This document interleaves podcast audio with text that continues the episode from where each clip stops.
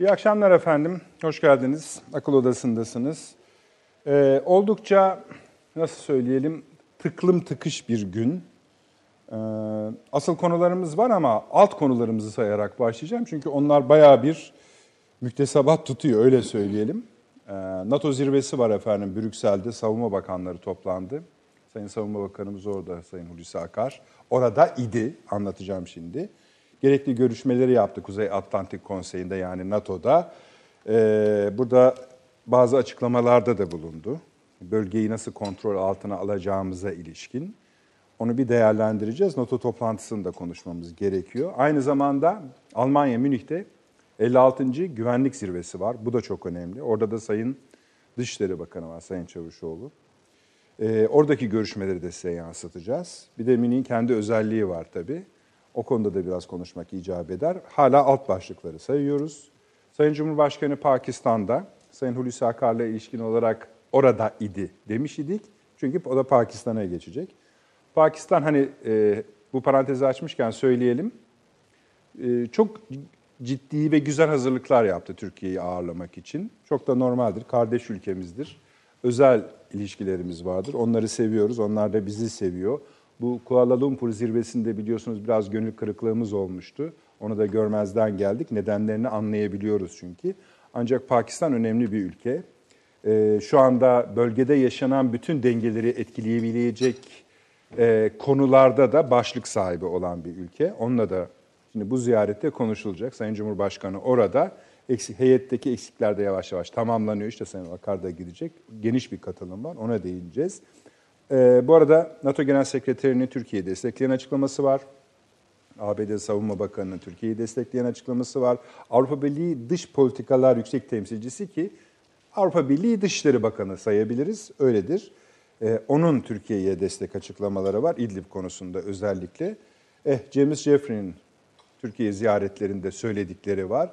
Bunların hangilerini satın alıp almayacağımız, hangilerini yiyip yemeyeceğimiz, yutup yutmayacağımız bu akşam yine bizim konuşacağımız konular içinde yer almakta. Ama şimdi ana başlıklara geçelim. Ee, bir Sayın Putin'le Sayın Erdoğan bir görüşme yaptılar. Bu görüşmenin içeriğine ilişkin paragraf seviyesinde elimizde bilgi var. Ama bu da bir şeydir. Onu konuşacağız. Ne olmuş, ne söylenmiş olabilir diye. Kendi duyumlarımız da var. Onları başka kanallar, gazeteler gibi yapmıyoruz. Doğrulatmadan söylemiyoruz. Ama genel çerçeve ilişkin fikrimizi sizinle paylaşacağız. E, grup konuşması çok önemliydi Sayın Cumhurbaşkanı'nın. Oraların ilgili yerlerin altını çizdik. Onları parçalayacağız biraz piksellerini ayırıp ne demek istedi, nereye varıyor. Örneğin şöyle dedi, her yeri vururuz dedi. İlginçtir, bakacağız altı üstü çok. Rusya'ya yani diplomatik dilde söylersek ağzına geleni söyledi.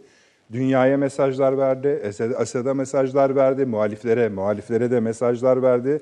Başı bozukluk istemez dedi.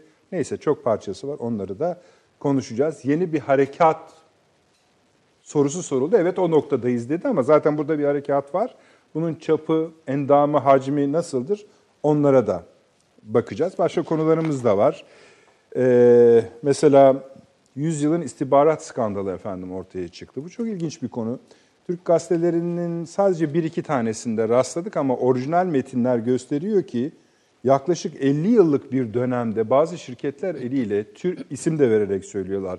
Türkiye, Hindistan, işte Pakistan, İran vesaire gibi ülkelerde liderlerin, yöneticilerin nesi var nesi yok dinlenmiş. Onu biraz konuşmak isteriz. Zamanımız elbette e, kalır ise.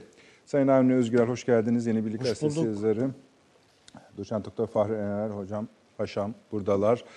Bu askeri işler nasıl oluyor onu biraz konuşacağız. Çünkü başka öyküler de var. Onları da konuşmamız icap ediyor sahaya ilişkin olarak. Ankara'da Profesör Doktor Taşansı Türker hocam var. Mülkiye Karşılaştırma Siyaset Anabilim Dalı Başkanı. Programın bir bölümün, bölümünde sizi baş başa bırakacağım efendim. İstediğiniz gibi konuşun. Bayağı sorular var. Ee, ben de bugün, e, dün daha doğrusu Taşansı hocamla bir ön görüşme yaparken hani nasıl meseleyi bizim de merak ettiklerimiz var demiştiniz hatırlıyorsunuz. Şimdi Esasında oradaki zaten şu. E, yani özellikle ben salı günde söyledim. Yani Rusya'yı anlamak diye bir problemimiz var. İşte buyurun şimdi siz anlatacak Evet, diye. evet, Yalnız bazı sürprizler olabilir onu söyleyeyim. Olabilir. Hani yani da. ha öyle miymiş diyeceğimiz bir şey. Bir arada ekleyeyim. Bu İran'daki önümüz hemen seçimler var biliyorsunuz. Onu pek az şey yapıyoruz. Halbuki önemli. Çünkü İran'ın dışarıya bölgeye davranışını da etkiliyor. Ya da İran'a yüklenme İran'dan biçimleri. gelen açı- açıklamalar var canım Türkiye ile ilgili. Mesela bugün bir analiz okudum. Diyor ki muhafazakarlar toparlanamayabilir diyorlar. Bazı yani ciddi kaynaklar. Ee, şunu kastediyorlar. Yani eski birbirimizi çok parça parçalar dağıtmayalım şimdi konuyu da hepsi ortak oy alamaz. Çünkü orada partilere göre giremiyor insanlar. Bir de seçim biçimi de garipmiş. Onunla ilgili de bir şey birkaç şey sordum doğru. uzmanına. Yazarak mazarak hiç öyle bir şey yani orada problem çıkması lazım. Yani fazla oy almış olmak kazanmak manasına gelmiyor. Gelmiyor. Kaz- kaybetmiş olmak da hakikaten kaybetmiş olmak anlamına gelmiyor. Böylece bu cümleler seçim oldu. yapılmış Ama oluyor. Azerbaycan'da da sonuçlar gelmeye Tabii, başladı evet, biliyorsunuz. Onu da Tabii. konuşalım. Bitti sayılır aslında. Evet. Ya öyle zaten genelde Peki. yani önceden de bitmişti de. O halde Avni abi bir iki satır okuyayım mı size? Evet. İdlib'de rejim ve onlarla birlikte hareket eden Rus güçleri ile Evet. İran destekli militanlar sürekli sivil halka saldırıyor, katliam yapıyor, kan döküyor. 2. İdlib'de rejim ve Ruslar, yine rejimle birlikte hareket eden güçlerin çoğu saldırılarının teröristleri değil, doğrudan sivil halka hedef aldığı gerçeğin altını bir kez daha çizmek istiyorum.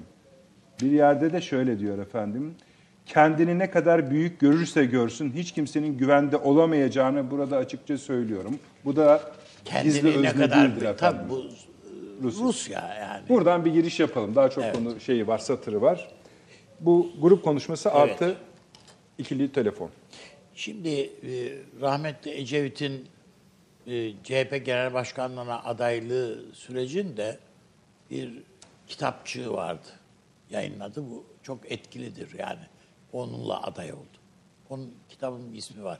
Perdeyi kaldırıyorum.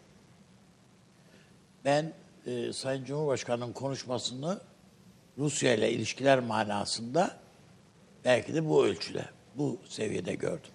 Yani ilk defa doğrudan doğruya Perdeyi. Rusya'yı yani ben bunun arkasında senin olduğunu biliyorum dedi. Ee, o açıdan fevkalade önemli. Evet, rejim diyoruz. Evet, rejim de, İran destekli rejim. Ee, Rusya destekli bilmem rejim filan. Hayır yok böyle bir şey yok. Yani Rusya var orada sadece. Belki üzerinde üniformasıyla, bayrağıyla yok ama hava kuvvetleriyle var, bütün istihbarat unsurlarıyla var, her şeyiyle var yani Rusya. Dolayısıyla e, Türkiye bu gerçeği kavrayarak bir şey belirlemek, tavır belirlemek durumunda. E, bu tavrı belirlerken şunu şu rengi noktalarına herhalde işaret etmemiz lazım. Bir, Amerika, e, e, Amerika değil mi? PYD e, Şam yönetimiyle bir anlaşma imzaladı. Ruslar bunu sağladılar. Tamam. E buna Amerika karşı mı? Hayır. Amerika da karşı değil. Aksine son derece memnun. Rusya istiyor. Amerika memnun. E, Amerika'nın memnun olması Şam yönetimi açısından e, Suriye'nin geleceğinde Esed'in olabileceği olma ihtimalinin güçlendiği ni de ortaya çıkardı, gündeme getirdi. Ve tabii ki bu Amerika'nın evet demesi bu işbirliğine PYD ve Şam işbirliğine evet demesi İsrail'in de evet dediği anlamına geliyor. Ve keza İran'ın da evet dediği anlamına geliyor. Şimdi bakın İran, Rusya, Şam, İsrail ve Amerika. PYD. Yani arkasındaki şeyi, duvar arkasındaki şeyi söylüyoruz. Ve 200 milyon dolarlık bir bütçe. Değil mi? Adamlar az- azımsadılar bile bu bütçeyi ama yine de yani var. Ha, bu artı e, petrollerden pay, yüzdeler falan filan onlar da geliyor zaten PYD'ye. Biz burada burada bu denklemden bir hayır bekliyoruz. Bir hayli zor çıkar buradan. Yani bizim öngördüğümüz işte stratejik ilişkilerimizin olduğunu söylediğimiz yapılardan beklediğimiz şeylerle bu mümkün değil. Ee, o bakımdan Türkiye açısından fevkalade e, önemli bir kavşak dönemeç noktasındayız. Ee, geri kalan kısmına şimdi yine ge- dönüp geliriz. Bizim orada iki mekanize tümenimiz var yani aşağı yukarı. Komutan daha iyi bilir onları da yani aşağı yukarı var olan güç bu. Ama hava desteği olmayan bir mekanize güç o bu. Ö- ö- o kadar ki Rusya'ya sorduğun vakit onları Taşan Hoca herhalde detaylandıracaktır. Yani gerisini siz bilirsiniz diyor Moskova. Yani sonuçlarını sen düşün diyor bir bakıma. Ama Bu olur mu, ki, olmaz mı? Rusya bunun bizi için gözde- karada ve havada her ne gerekiyorsa çekinmeden, tereddüt etmeden, hiçbir oyalamaya me- meydan vermeden yapacağız. Karada ve havada oraya boşuna yazılmış olamaz herhalde. Hayır, hiçbir Heh. şekilde boşa yazılmış olamaz. Ama bu e, şu ana kadar, yani bugün itibariyle, zaten Sayın Cumhurbaşkanımızın konuşmasında Şubat sonuna işaret edildi. Değil mi? Yani yoksa e, şey değil, yani Şubat sonuna kadar ne yaparsan yaparsın yani orada şey e, rejim diyelim ona artık. Hani rejim dediğinin içinde Amerika'da var artık. PYD de var, İran'da var, Rusya'da var. Hepsi varlar yani. Söylemek istediğim böyle bir karmaşık bir tablo var önümüzde duran. Ve burada bizim bir de yine kış şartları ve askerimiz orada. Bu kontrol noktalarımız. Acaba şöyle bir şey olabilir mi? Tabii muhtelif senaryolar var. Şöyle bir şey olabilir mi? Biz bu e, kontrol noktaları da dahil olmak üzere ko, e, denetlediğimiz e, sorumluluk bölgelerimizi de içine alacak bir şekilde yeni bir güvenli hat ve bölge oluştursak birazını buradan çeksek oraya aktarsak filan doğu batıya şeye doğuya kaydırsak filan diye bir şey olabilir mi? Ama şu anda henüz daha kısa zaman mümkün olan en kısa zamanda diye bir tabir var. Yani bu Ruslarla oturup bunu görüşmek. E, tabii bizim rejimle de bir münasebetimiz yok yani şu anda. Yani bu, bu bundan da bir burada da bir şeyimiz var. Burada belki Türkiye'nin e, istihbarat e, katında bakarsak aşağı yukarı 15 örgüt var Kuzey Suriye'de. Yani Rusların ve Şam yönetiminin terörist olarak tarif ettiği bizim tam da mutabık olmadığımız yani tümüyle tümü itibariyle işte ise mutabık olmadığımız 15 ayrı grup var. Bu grupların şu anda eylem yaptığı, silahlı eylem yaptığı ya ya terörist eylemler içinde olduklarını biz düşünmüyoruz. Yani ben bugün oradan bilgi sahibi olduğunu düşündüğüm bir iki kişiyle görüştüm. Orada ne oluyor, ne bitiyor bu örgütler orada falan diye. Ee, heyet tahrir Şam falan filan dahil yani söylediklerime. Yok dediler yani. Böyle bir Türkiye'nin bilgisi dışında bir, Türkiye'ye rağmen bir terör faaliyeti orada yok. Ama bu Şam'ı ve Rusya'yı tatmin etmiyor. Bunları siz Ama vuracağız dediydiniz. Orada konuşmalarda diyor ya başı bozukluk bozuklar yani tamam orada yani şu ki o hayır orada ÖSO da var. Yani Tamam. Cumhurbaşkanı'nın kastettiklerinin içerisinde.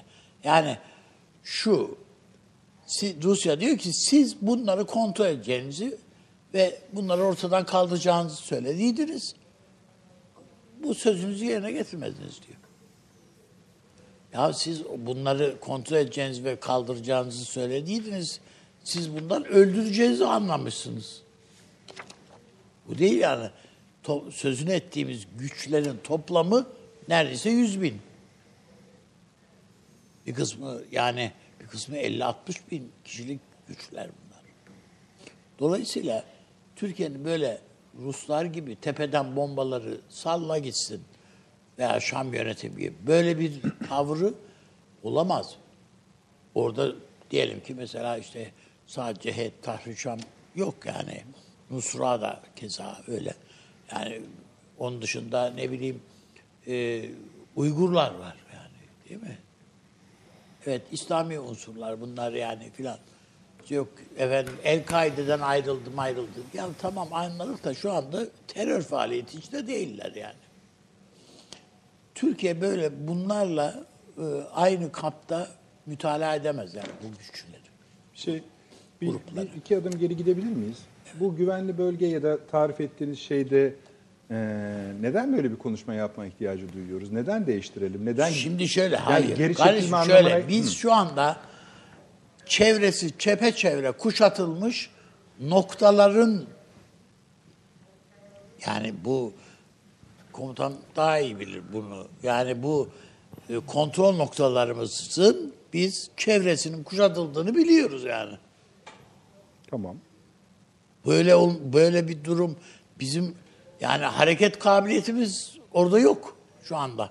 Tamam ama şimdi bu bölgeye çok e, çok yüksek miktarda Ama ben diyorum ki ya tamam çok askerimiz de sevk ettik bölge şeyi açısından ta. Ben de diyorum ki bu bir kere bu bir görüşme meselesi benim söylediğim. Bu yanlıştır, bu doğrudur anlamında söylemedim dediklerimi. Şöyle bir aşağı güneye doğru sarkan bir yapı yerine doğuya doğru kaydıran bir yapıya. O şeyi kontrol alanındaki e, ha- kontrol alanının hacmini e, sahasını e, genişliğini değiştirmeyecek veya da fark ettirmeyecek hatta belki daha fazlalaştıracak. Ama e, Rusya'yı ve Şam'ı e, tedirgin etmeyecek bir şey olabilir mi diye düşündüm. Yoksa başka bir şeyden değil. Ya belli ki bu e, e, M4 yolu, M5 yolunun kesiştiği bu Serakin değil mi? Evet. Tam o çizgi. Kesiştikleri nokta. Ya burası tam artık hani diş kopmuş, açıkta bir sinir var. Yani su içsen de buz alsan da orası sızlıyor. Çay içsen de sızlıyor. Yani bu, bu, bu fark etmeyecek burası. Burası can yakacak bir şey. Suriye'nin de canını yakıyor. Rusya'nın da keza ve tabii bizim de sonuç itibariyle. Belki bunun üzerinden bir konuşma söz konusu olabilir. Burayı Amerikalılar da kaşımaya başladılar şu anda. Yani Amerika yani buna nasıl tahammül ediyorsunuz filan gibi böyle. ona ayrı kalem konuşuruz. Onu yutacak değiliz de. e, Ay yutar ama Amerikalılara bu burayı ihmal etmeyin ha bu İdlib NATO'yu filan bu işin içine çağıran biziz yani yine. Yani bir şey değil yani diye bakamayız ona. NATO konusunu da bir parça Evet. konuşmak isteriz. Yani şu sebepten dolayıdır. Birden çok tartışma var. NATO'nun burada nasıl bir ne demek yani? NATO buraya gelecek mi, gelmeyecek mi, Hayır, çağırıyor geleceği, muyuz? meleceği yok tabiat Ha, yani. tamam. Biz de biliyoruz. Yani NATO dediğin şu anda iki tane ülke var. Bir tanesi yani gö- gö- elle tutulur. Birisi Amerika, diğeri de Fransa şu anda. Peki işte yani işte Belçika'sını Sayın falan da yanına alır. Fransa ile konuştu Evet. NATO zirvesinde vesaire. Bu ama bunların hiçbirisinden Türkiye'ye bir fayda, bir hayır yok yani. Eyvallah. Bir şey gelmez. Ama burada Ankara'nın bir şekilde belli ki yani e, istihbarat başkanları seviyesinde yapılan görüşmeler e, tam şey olmayabilir ama e, bir şekilde Suriye'nin bir başka beklentisi var Türkiye'den. Ben bunun olabil Yani bir, bir şekilde yapılması gerektiğini düşünüyorum. Yani Yani, yani bu ne bileyim danışmanlar var. Değil mi yani Cumhurbaşkanımızın etrafında danışmanlar var. Siyaseti iyi bilen, e, uluslararası siyaseti iyi bilen filan insanlar da var onların içinde. E, yani e, bunlar filan yani insan çünkü temsil kabiliyeti önemlidir yani neyi temsil ettiğin. Yani yakandaki rozet önemlidir yani ne hangi kartvizitle gittiğin. Elbette yani Türkiye'nin istihbarat e, MİT başkanı e, fevkalade anlamlı. Ama siyasi karar mekanizmasının başındaki insana yakınlığı veyahut da e, danışmanlık böyle bir şey. Belki öyle bir temas bir şeyler için yani bir bir kanal, bir platform oluşturmak lazım. Bir zemin oluşturmak. Ya bu devleti yani bu bu Suriye gelecekte de var mı? Var. Değil mi? Yani Suriye'yi ortadan kaldıralım diye bir şey yok. Bizim de zaten siyasetimiz Türkiye'nin Suriye'nin toprak bütünlüğü falan diyoruz yani. Şimdi bu- ha, bu bunu bunu ise eğer buna Amerika hı demişse, buna Rusya böyle demişse, İran keza böyle PYD şu bu işin içine bunlar da karşımızdaki şeyi habire büyütmek ve köpürtmek köpürmesine biz bir şekilde bir set koymak zorundayız yani. sizi anlıyorum da cüm yani şimdi şöyle bir laftan sonra nasıl olacak iş? Yani her yeri vururum. Şubat'a kadar Şubat'ın sonuna kadar da süreniz var. Kardeşim eğer bir ya bunların hiçbirisi şey değil. Anlaşma yaptıysanız ne yani olsun ben öyle dediydim hadi vuruyor vuracağım ne yapayım diyecek bir haliniz var mı? Var mı anlaşma? Hayır yok ama olabilir mi yani bir bir anla bir mutabakat sağlanırsa eğer arkadaş öyle değil de şöyle yapalım bu güvenli bölgeyi. Bu böyle bir şey bir anlaşma sağlanabilirse diyorum ben. Anladım, anladım. Yoksa Türkiye elbette vurur. Yani e, Şimdi savaşmak da tabii bu siyasetin bir yolu. Hayır, şöyle Ama diyelim onu, Şu savaşmak var yani de. sürekli asker gönder. Sürekli bu orada e, bir çatışma hali. Bu bunu bunu yani Sürdürülebilir e, sürdürülebilirliği o kadar kolay bir şey değildir. Zordur yani bunun. E, eli tetikte bir ordu gönderiyoruz. Yani tü- iki tümen diye söyledim. Yani iki tümen demek bayağı ordu demek yani. Tabii canım bayağı ordu demek ya. Peki buna biraz devam edelim. Bir Ankara'ya gidelim. Bu arada söyleyeyim bu Rus Büyükelçisi Sayın Alexey Yerhov'un açıklamaları var bu konuda. Bu meselelerde Türkiye'nin Suriye İdlib konularındaki meselelerinde sizin durduğunuz pozisyona göre o konuşmaları yorumlayabilirsiniz. Öyle konuşmalar. Mesela diyor ki mealen söyleyeyim. Ya bu işi artık aşıp bizim bin tane Rusya-Türkiye ilişkilerinde konu var. Bu İdlib meselesini hemen aşıp kendi dertlerimizle ilgilenelim. Yani biz kendi işimiz var, gücümüz var. Mealinde bir şey Ya söylüyor. o kadar dallandırdık ki biz Gürcistan'ı konuşuyoruz, Kırım'ı konuşuyoruz, Ukrayna'yı konuşmaya başladık. Ee, aynı zamanda Yani şunu da söylüyor. Yani. yani. Suriye buraya kadar gelmiş, onu kimse geri çeviremez de diyor. Ha, ta, e, tabii canım yani adam da boşuna ilerlemedi. İlerlemedi, Şimdi söylemek istediğim be sen orada bu kontrol noktalarını etrafı kuşatılmış halde tutmak, buna devam etmek. E, dur orada deseler buna razı mı olacağız biz? Benim söylemek istediğim bu. Buna, bunun topyekun bakıp buna bir çözüm üretmek. Nasıl bir çözüm? Onu bile yanlış da söylüyor olabilirim ben. Yani bu Suriye'yle oturup konuşmak bir şekilde ama bizim konuşmamız bu. Rusya'ya sen git söyle ki ile olmuyor bu iş diyorum. Tamam abi. Peki. Profesör Doktor Taşansu Türker, Mülkiye Karşılaştırmalı Siyaset Anabilim Dalı Başkanı. Taşansu Hocam, tekrar hoş geldiniz. Sağ olun Nedret Bey. Teşekkürler. Hoş bulduk. Ee, biraz karışık bir ortamda size başvuruyoruz. Bu İdlib meselesinde e, şeyin siz açık Büyükelçinin açıklamalarını görme fırsatı buldunuz mu bilmiyorum ama Bir, e, Gördüm evet. evet. Sayın Cumhurbaşkanı ile Putin arasındaki beklenen telefon görüşmesinden siz bir şey çıkarabildiniz mi? Ç- çıkaramadıysanız sebebi bir şey olmaması mı yoksa az bilgi mi? İki, e, grup toplantısına çok önem verilmişti Sayın Cumhurbaşkanı'nın bu konuda söyleyecekleri. Eh, doğrusu hani bu konuşmayı bekleyin dendiği kadar var. Çünkü baya baya Rusya dahil herkesin. Yani Taşansı Hoca tabii da bunu detay etmiyor ama Cumhurbaşkanımızın söylediğinden şunda mutabık kaldık dedikleri Cumhurbaşkanımızın. Onun dışındakiler Cumhurbaşkanımızın kendi değerlendirmeleri. Tabii, yani tabii. O mutabık nerede? kalınan o askeri sadece. askerler orada görüşecek. Görüşecek, istihbaratla istihbarat dışları burada görüşecek. Burada görüşecek. şeklinde. Ee, bir genel değerlendirmenizi rica edeyim ben. Tabii ki efendim. Ee, şöyle şimdi e, bazı zamanlar vardır ki tarihte e, gerçekten hani herkesin birazcık dikkatli konuşması gerektiği zamanlar olur o, o zamanlar. Ee, biz mesela şu an işte Rus medyasına ben bakıyorum, inceliyorum Ee, ve Rus medyasına baktığım zaman oradaki açıklamalardan sonuçlar çıkarıyoruz her birimiz. Yani oradaki yapılan konuşmalardan da.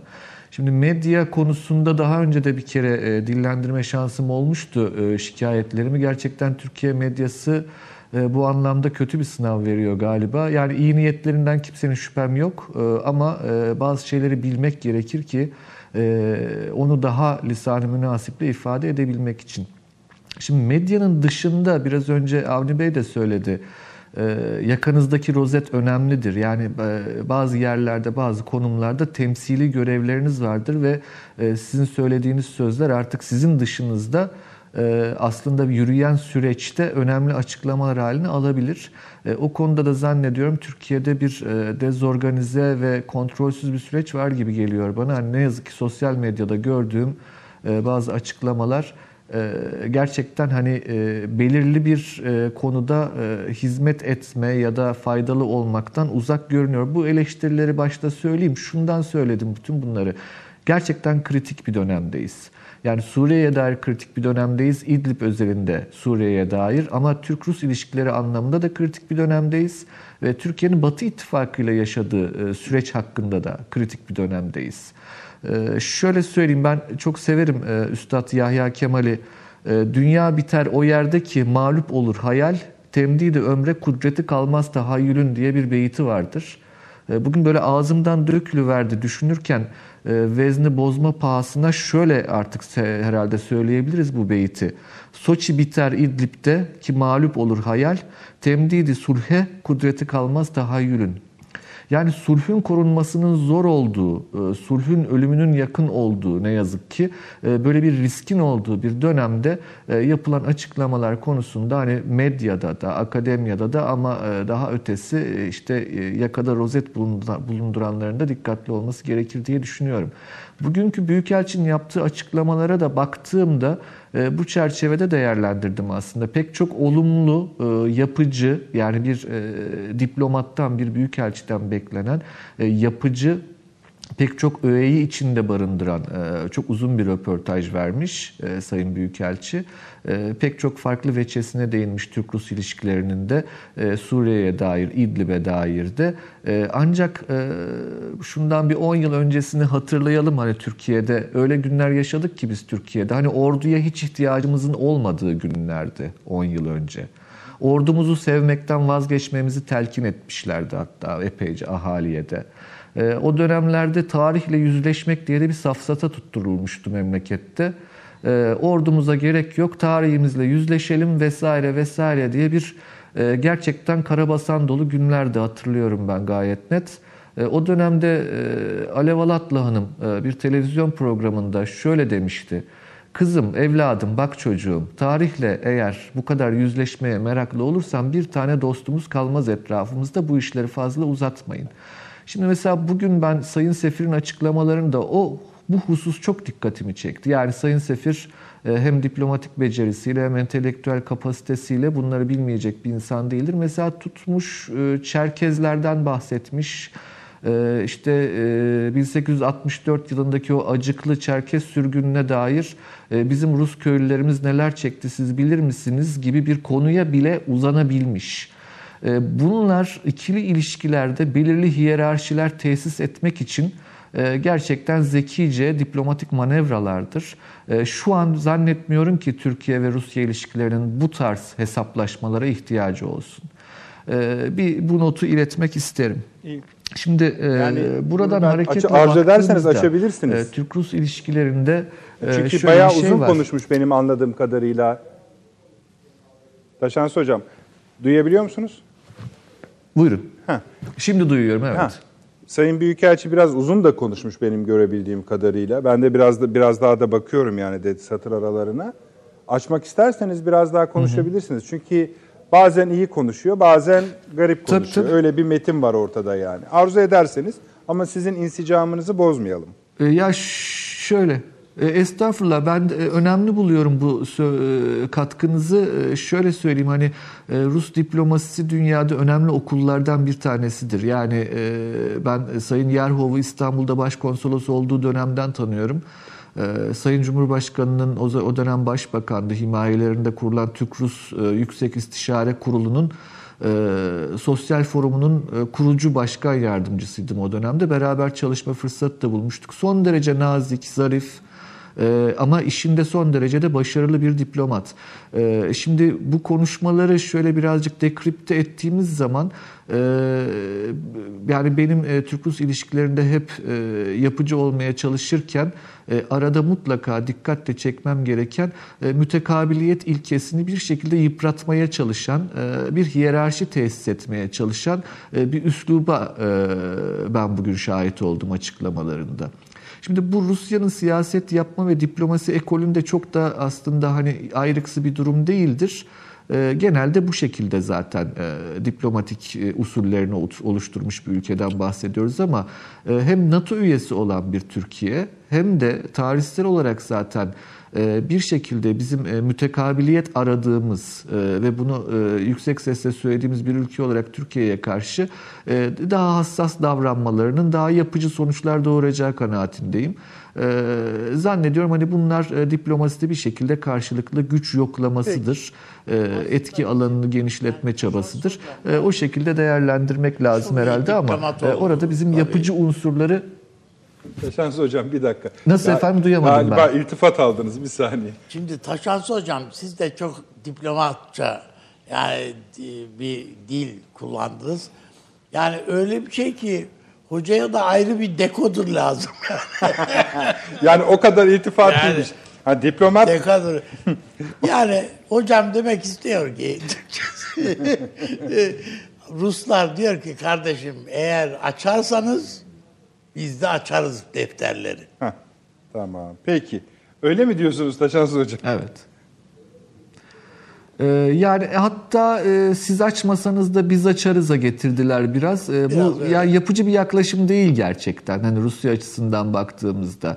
E, ama hani bizim tarafımızdan baktığımızda da e, bunları çok yüksek sesle dillendirmekten çok hoşlanmıyorum ama e, biraz önce söyledim yani e, hiç e, gereği olmayan açıklamalar da geliyor Türkiye tarafından da. Yani e, bu birazcık aslında iki ülkenin kültürleriyle de alakalı. iki ülkenin birbiriyle bakışına da e, birbirine bakışlarıyla da alakalı e, bir sorun. Bu yani e, evet çok yakın ilişkiler var ticari olarak, kültürel yakın ilişkiler var ve bunların savunulması konusunda iki ülkede belirli bir irade var.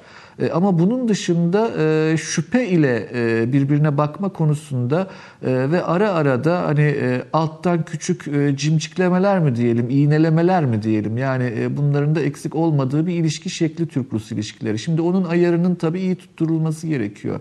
E, o çerçevede hani bizim e, de mesela işte yetkili e, ağızların e, Montreux'ün 14. maddesini e, pat diye gündeme getirmesi e, gerçekten çok anlamlı mıdır bilemiyorum. Yani e, anlaşmaya çalışırken tabii ki elinizde kozları da yüksek sesle söyleyebilirsiniz. Bu da e, çok doğrudur ama bunun yeri ve zamanı ben zannediyorum ki medya mensuplarına, akademisyenlere ya da işte herhangi bir kurumsal bağı olmamakla beraber temsil yetkisi oluşmuş olan kişilere kalmamalı. Yetkili kurumlar eliyle bu ilişkilerin yürütülmesi gerekir diye düşünürüm. Yani o noktada da Cumhurbaşkanlığı zaten işin içerisinde içerisinde. E, Dışişleri Bakanlığımız, Genelkurmay Milli İstihbarat Teşkilatı hepsi işin içindeyken e, bu kadar değerli güzide ve gerçekten diplomatik başarı konusunda büyük bir mütekabiliyete e, ve müktesebata sahip olan bu kurumların da e, önünü kesmemek lazım. Hani e, onların e, çalışmalarını da sekteye uğratmamak gerekir diye düşünüyorum. E, şimdi bu noktada baktığımızda peki İdlib'de ne oluyor'a geçmemi ister misiniz? E, uzun konuştum çünkü farkındayım. Lütfen lütfen yok geçin E, Eğer vaktim geçin. varsa hafif Şimdi İdlib konusunda da efendim şöyle e, Soçi mutabakatı dediğimiz e, mutabakat Astana formatı denilen formatta yani İran, Rusya, Türkiye arasında ama asıl olarak Rusya ve Türkiye'nin bir şekilde taraf olduğu, İran'ın da katılmak durumunda kaldığı aslında tüm Suriye'ye dair e, bir mutabakattı. Bakın bu mutabakatın üç tane de ana başlık altında sıralayabiliriz biz bunu. Bir tanesi İdlib sadece. Unutmayalım bir de Menbiç var. Unutmayalım bir de Fırat'ın doğusu var. Şimdi bu e, bütün Suriye'ye dair bu mutabakatta iş döndü dolaştı İdlib'e geldi ve İdlib konusunda biraz önce e, Üstad Yahya Kemal'den okuduğum e, beyitte olduğu gibi iş son noktaya geldi aslında.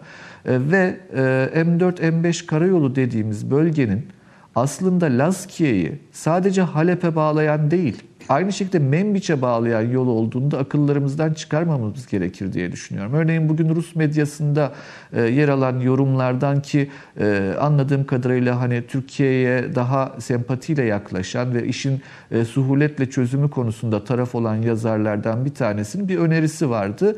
E, İdlib'de Türklerin kaybettiği toprakların e, mütekabiliyet çerçevesinde Fırat'ın doğusunda bu sefer Türkiye'ye sunulması gibi.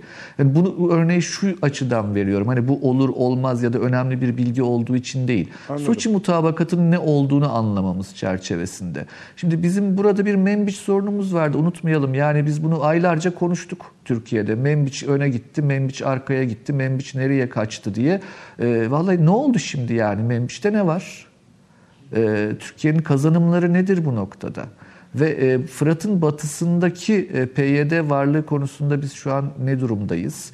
E, bütün bu çerçevede ve Fırat'ın doğusunda özellikle e, son operasyondaki e, akamete uğramayla beraber, oluşan durumla beraber değerlendirdiğimizde İdlib artık bir sanki son direniş noktası ve orada da Türkiye'nin çok meşru gerçekten tezleri var. Yani herkes tarafından kabul edilebilecek tezler bunlar. İnsani bir trajedinin engellenmesinden bahsediyoruz biz burada. Ya bugün tesadüfen yani bir internet sitesinde hayatımda ilk kez gördüm ben böyle bir şeyi. E, yani paşam bunun detaylarını e, bizlere anlatacaktır diye düşünüyorum. Varil bombası denen şeyi gördüm. Bu bu e, bu yani gerçekten hani herhangi bir e, konvansiyonel savaşta kullanılabilecek ama şehre karşı kullanılmasının suç olacağı bir şey e, çok rahatlıkla kullanılabiliyor. Şimdi burada ciddi bir trajedi var ve bu trajedi bizim sınırlarımızın dibinde yaşanıyor. Ve bu trajedinin sonucunda Türkiye'yi doğrudan etkileyecek bir göç dalgasından bahsediyoruz. Artı bunun dışında burada silahlı bir muhalefet var ve hangisinin ılımlı muhalefet, hangisinin radikal olduğu konusunda e, ciddi anlaşmazlıklar var ve bunun Türkiye'ye yansıma ihtimali de var. Şimdi Türkiye'nin o anlamda tezlerinin ne kadar kuvvetli olduğu yani bunun bir meşru müdafaa çerçevesinde değerlendirilmesi gerektiği konusunda zannediyorum herkes hemfikirdir. Ama karşı tarafın tezlerine de baktığınızda e, bu kadar kuvvetli tezler olmadığını görüyoruz. Yani Suriye'nin toprak bütünlüğü çerçevesinde e, merkezi hükümetin e, istikrarı sağlaması. Yani e, bu istikrar nasıl sağlanacak? E, o zaman e, 2011 yılından beri yaşanan bu süreç neydi?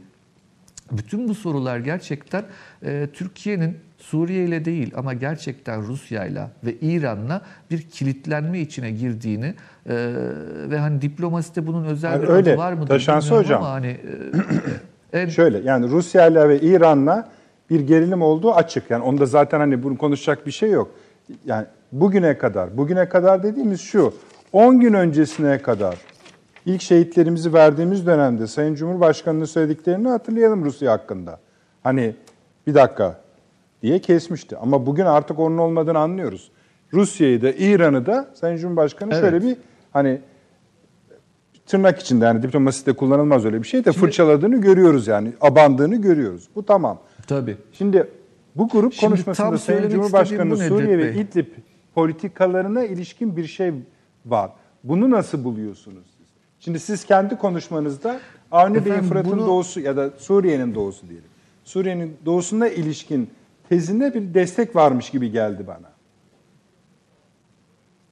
Ya kısmen kısmen şöyle ama e, şunu söylemekte fayda görüyorum ben. Şu an hani Sayın Cumhurbaşkanı'nın en üst perdeden e, yaptığı açıklamaları çok ciddiye almak durumundayız. Ve burada bir şekilde Türkiye tüm kartlarını masaya koyduğunu gösteriyor. Ya bu e, hani televizyon ekranlarında bunların ne kadar konuşulması gerektiği konusunda da bizlerin hassas olması gerektiği bir dönemdeyiz. Tabii ki ahalinin bilgilendirilmesi bir görev vardır ancak yürüyen bu sürece zarar vermemek, ülkenin çıkarlarına ya da barış adına zarar vermemek de önemlidir diye düşünüyorum. Şimdi tam onu söyleyecektim. Diplomaside bunun adı nedir bilmiyorum ama e, açık bir restten bahsediyoruz. Yani e, artık biz e, pek çok şeyi göze aldık noktasında Sayın Cumhurbaşkanı'nın açıklamaları.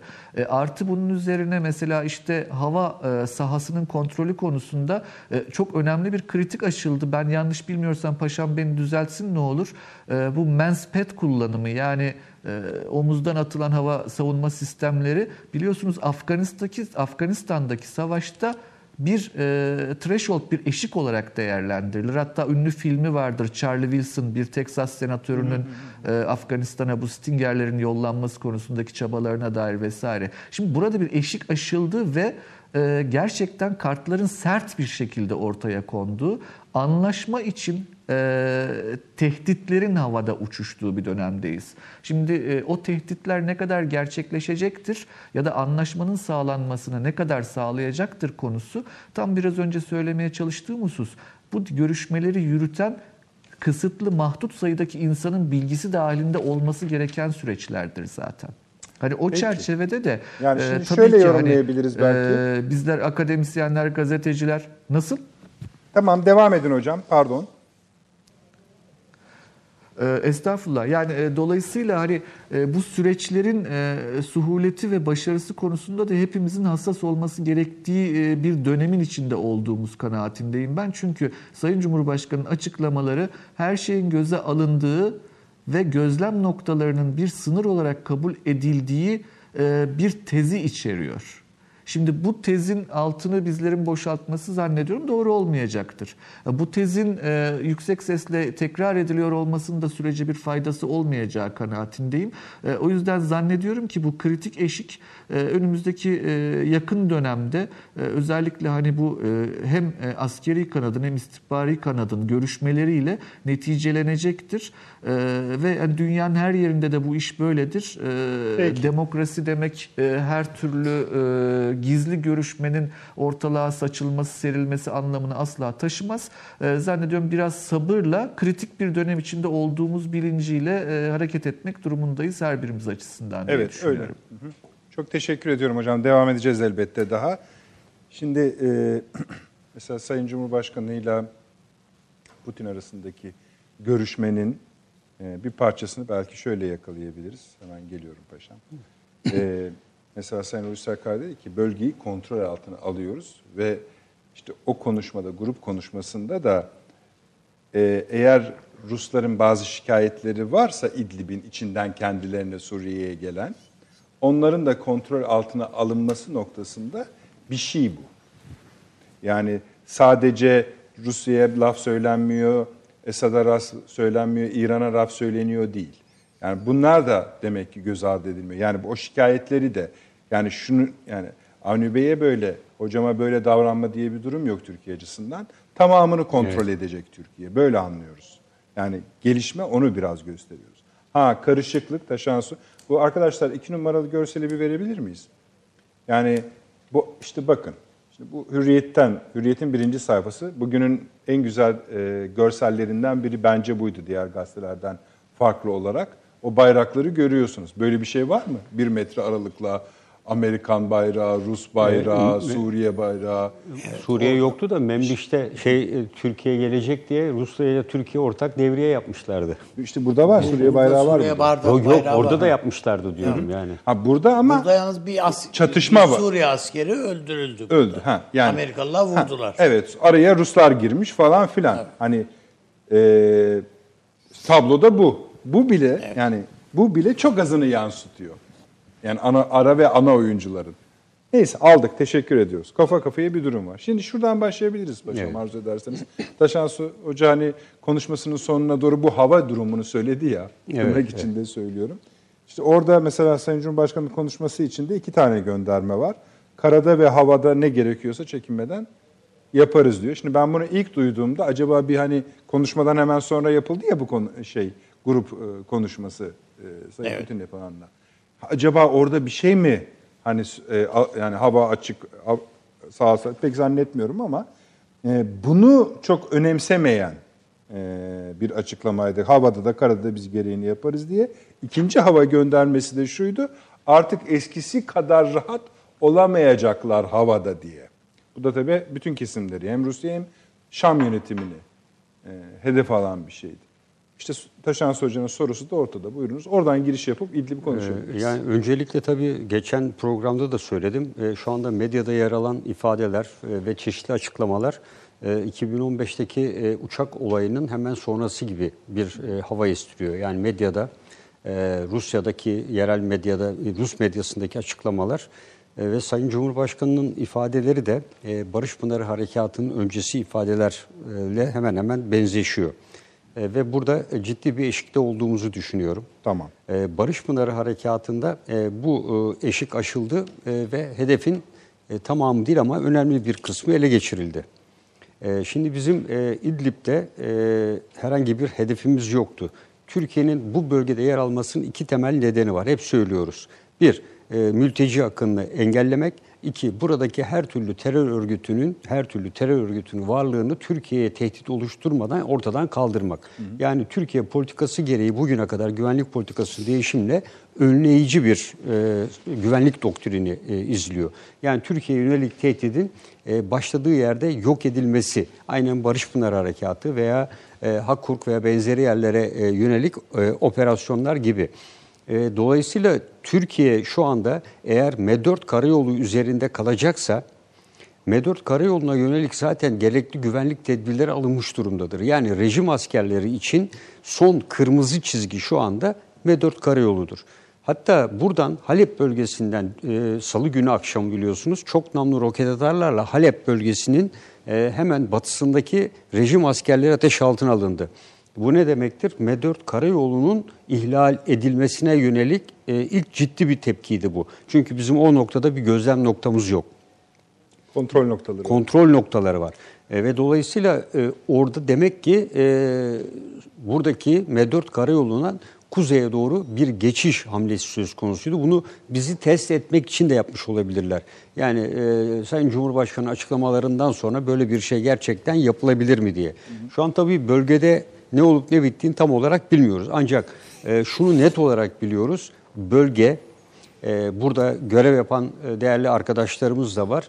Gözlem noktaları dahil bölge Genelkurmay Başkanlığı tarafından 7-24 saat esasına göre havadan ve karadan bütün unsurlarla gözetleniyor. Yani bölgede ne olup ne bittiğinin e, Türkiye net bir şekilde farkında. E, o yüzden e, yani e, hani programlar vardı, bir bizi gözetliyordu. Biz o sahayı gözetliyoruz. Peki niye buna rağmen topçu mermilerle vuruluyor? E, bunu Barış Pınarı Harekatı bölgesinde de 120'lik havan atışlarıyla ve her bir eve daha evvelden yetiştirerek yerleştirdiği evde normal aile gibi hareket eden kadın ve erkeklerden oluşan ileri gözetleyici 120 eğitim en aldırmış. isabetsizi derler? Tabii ileri gözetleyici eğitim alıyor ve bizim birlikler nereye doğru hareket ediyorsa onlar vasıtasıyla o bölgeye ateş tanziminde bulunuyor. En geç ikinci e, atışta hedefe isabet kaydettirilmesini sağlıyorlar. Burada da aynı şekilde mutlak suretle yerleştirilmiş bu şekilde ileri gözetleyicileri vardır. Pek teknolojik anlamda Suriye'nin elinde çok güçlü sistemler olduğunu düşünmüyorum. Burada hava sahasının illa açılması da gerekmez. Evet hava sahasının kontrolü Rusya'dadır. Ama Rusya'nın elinde S-400 sistemleri ve S-300 var.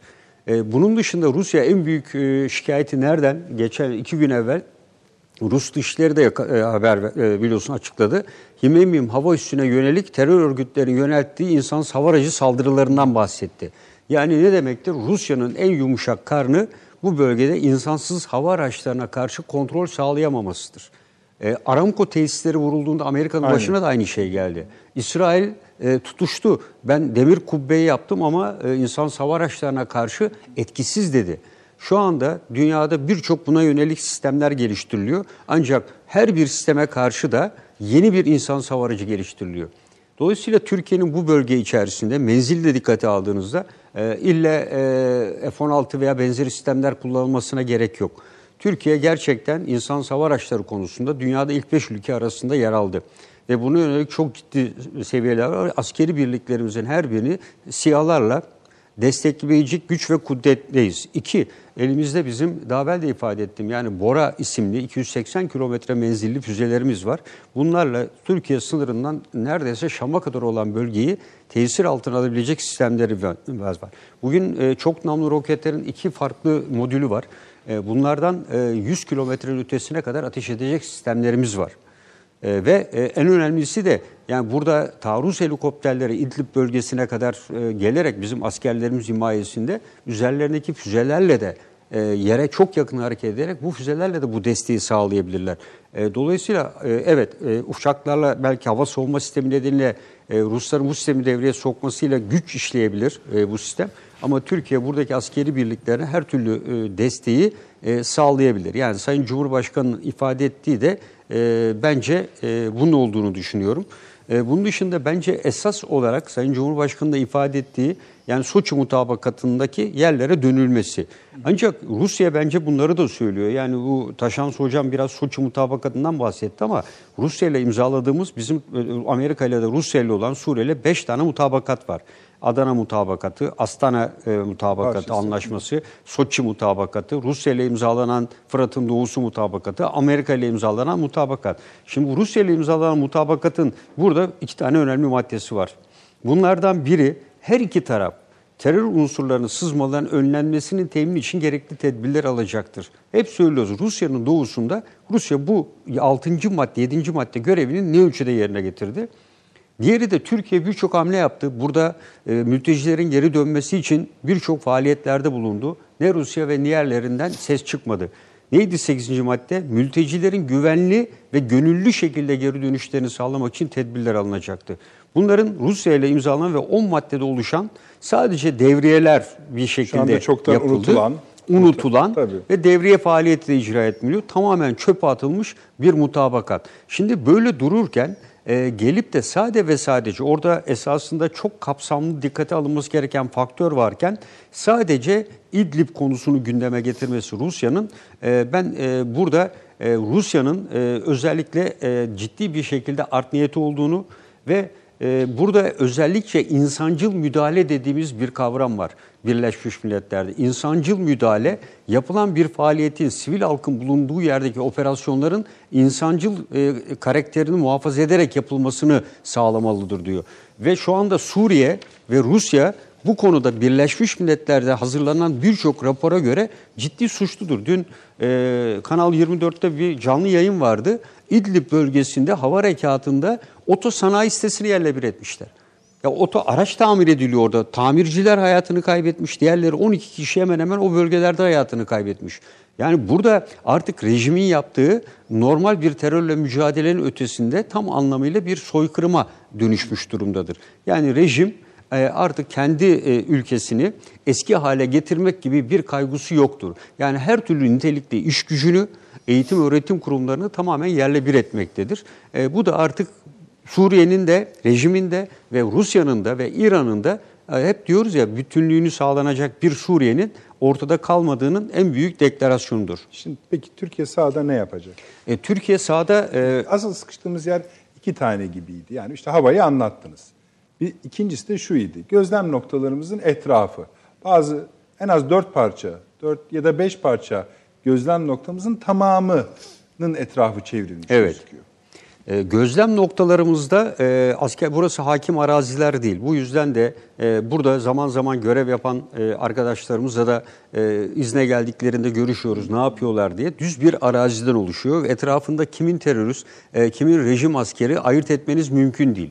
Buralarda her türlü lojistik destek sağlanıyor. Her türlü dronlarla e, hava sahasının gözetimi yapılabiliyor. Ama en büyük problem e, burada özellikle bir hastalık veya benzeri konularda veya lojistik bir takviye veya lojistik bir destek sağlanmasında mutlaka Ruslardan e, bu konuda teyit alınması. Çünkü kurulan mekanizma. Yani bir yerden Evet. bir yere bir şey taşınacak. Aynen yani hasta gözlem taşınacak. noktaları arası veya oraya geleceği zaman Ruslara hani dediler ya Ruslar sizin orada unsurlarınız bize bildirilmedi derken de kastedilen bu. Bizim her türlü hareketimizin bu bölge içinde Ruslara söylüyor. Esasında Ruslar izin vermesi için değil. Ruslar da rejime haber veriyorlar. Diyorlar ki buradan şu koordinatlardan Türk askeri geçecek veya şu faaliyet var. Bu faaliyet için e, dikkatli olun. Herhangi bir şekilde bölge yönelik bir olun. olmasın diyor. Yani buradan gidip oradan da onlara doğru gidiyor. Ee, Peki, e, bu tamam da paşam. Bu etrafını mı temizleyeceğiz biz? Ya biz Şunun için etrafını temizlemeyeceğiz. Neden biliyor musun? Evet. Şimdi biraz önce konuşuyorduk ya Rus Büyükelçisi'nin açıklamalarını. Diyor ki Büyükelçi konuşmasının bir yerinde. E diyor bu gözlem noktalarınız orada ne yapıyor sizin diyor. Bunların diyor zaten şu kadarı diyor. Etrafı tamamen diyor. Ortada kaldı diyor yani o cephenin dışında kaldı diyor. Yani lafı şuraya getiriyor. Boşa duruyorlar orada yani çekilin diye getiriyor. E şimdi biz çekilmeyeceklerini bu gözlem noktalarının hatta çekilmeyecekleri gibi A daha çok pekiştirileceklerini B sayılarının bile artırılabileceğini söyledik. Evet. Şimdi o zaman bu etraf ne olacak? Etraf e, şu anda bizim oradaki tüm unsurlarımız etraftakilerle mücadeleci şekilde. Suriye rejimi kuzeye doğru ilerledikçe kendisi de lojistik destek ve diğer üstlerinden gidiyor. Bakın bugün 2020 yılında Dünya Silahlan Silah Sistemlerini takip eden bir rapor yayınlanmıştı birkaç gün evvel. Buna göre toplam bütün Suriye'nin elinde kalan rejim değil bakın İran'ın desteklediği milis güçleri dahil 70 ile 80 bin arası. Bunun 30-40 binin tecrübeli asker olduğunu ifade ediyor. Büyük bir bölümü de İranlılar tarafından gelen Pakistan ve Afganistan'dan gelen para karşılığı kullandıkları gönüllülerden oluşuyor. Dolayısıyla kuzeye doğru ilerledikçe arkasında zayıf bölgeler bırakıyor. Buraları kontrolden imki- kontrol etmesi mümkün değil. Ve derinlikte e, derinliği arttıkça da hassasiyeti artıyor. Dolayısıyla bizim şu anda oraya yığdığımız zırhlı birliklerle yapacağımız bu gözlem noktalarına harekatla gözlem noktalarıyla süratle birleşme sağlanarak e, bu bölge tamamen Türkiye'nin kontrol altına alınabilir. Bizim tek tek gözlem noktası Yani üzerinde aslında biraz şöyle de diyorsunuz. Hani tek bir noktadan güçlüce vurup geçseniz Öyle, Şam'a öyle. kadar gidersiniz. Ben hep onu diyorum. Arkaya Mah- dönemezler. Mahdut edip dönemezler. Öyle bir güçleri yok. Yani onu Yaşar onlar da biliyor. Çok hoşuna gidecek bu fikir gibi geldi Evet. bana. Yani buradan e, bizim buraya zırhlı birlik yığmamız, bakın tank nakillerinin olması Türk Silahlı Kuvvetleri'nin en iyi yaptığı şeydir bu. Zırhlı birlik taarruzuyla birlikte hele hele ileride sizi destekleyecek gözlem noktalarınız, silahlı insan savar araçlarınız varsa o tanklar o M4 karayolunun hattında bir taarruz çıkış hattı gibi düşünün. Buradan kuşatıcı bir manevrayla her iki temas noktasının ortasında en nihayette temas noktasında buluşulur ve bölge temizlenerek o bölgede geniş bir cep kısa zaman içinde oluşturulabilir. Türk Silahlı Kuvvetleri şu anda bunu yapacak güç ve kudrettedir. Cumhurbaşkanı Şubat ayı sonuna kadar da ifade ettiğinin ben bu olduğunu düşünüyorum. Çünkü burada tek bir cepheden yararak gittiğiniz zaman bir iki gözlem noktasına kovalayacağız geçirirsiniz. ifadesi kullanıldı. Tabii bu şekilde bir kuşatıcı manevrayla bütün gözlem noktalarının tam anlamıyla kontrol altında tutulacağı ve arkasından da bölgenin içinin tamamen temizleneceği e, bir e, bölge kontrolü tesis edilebilir.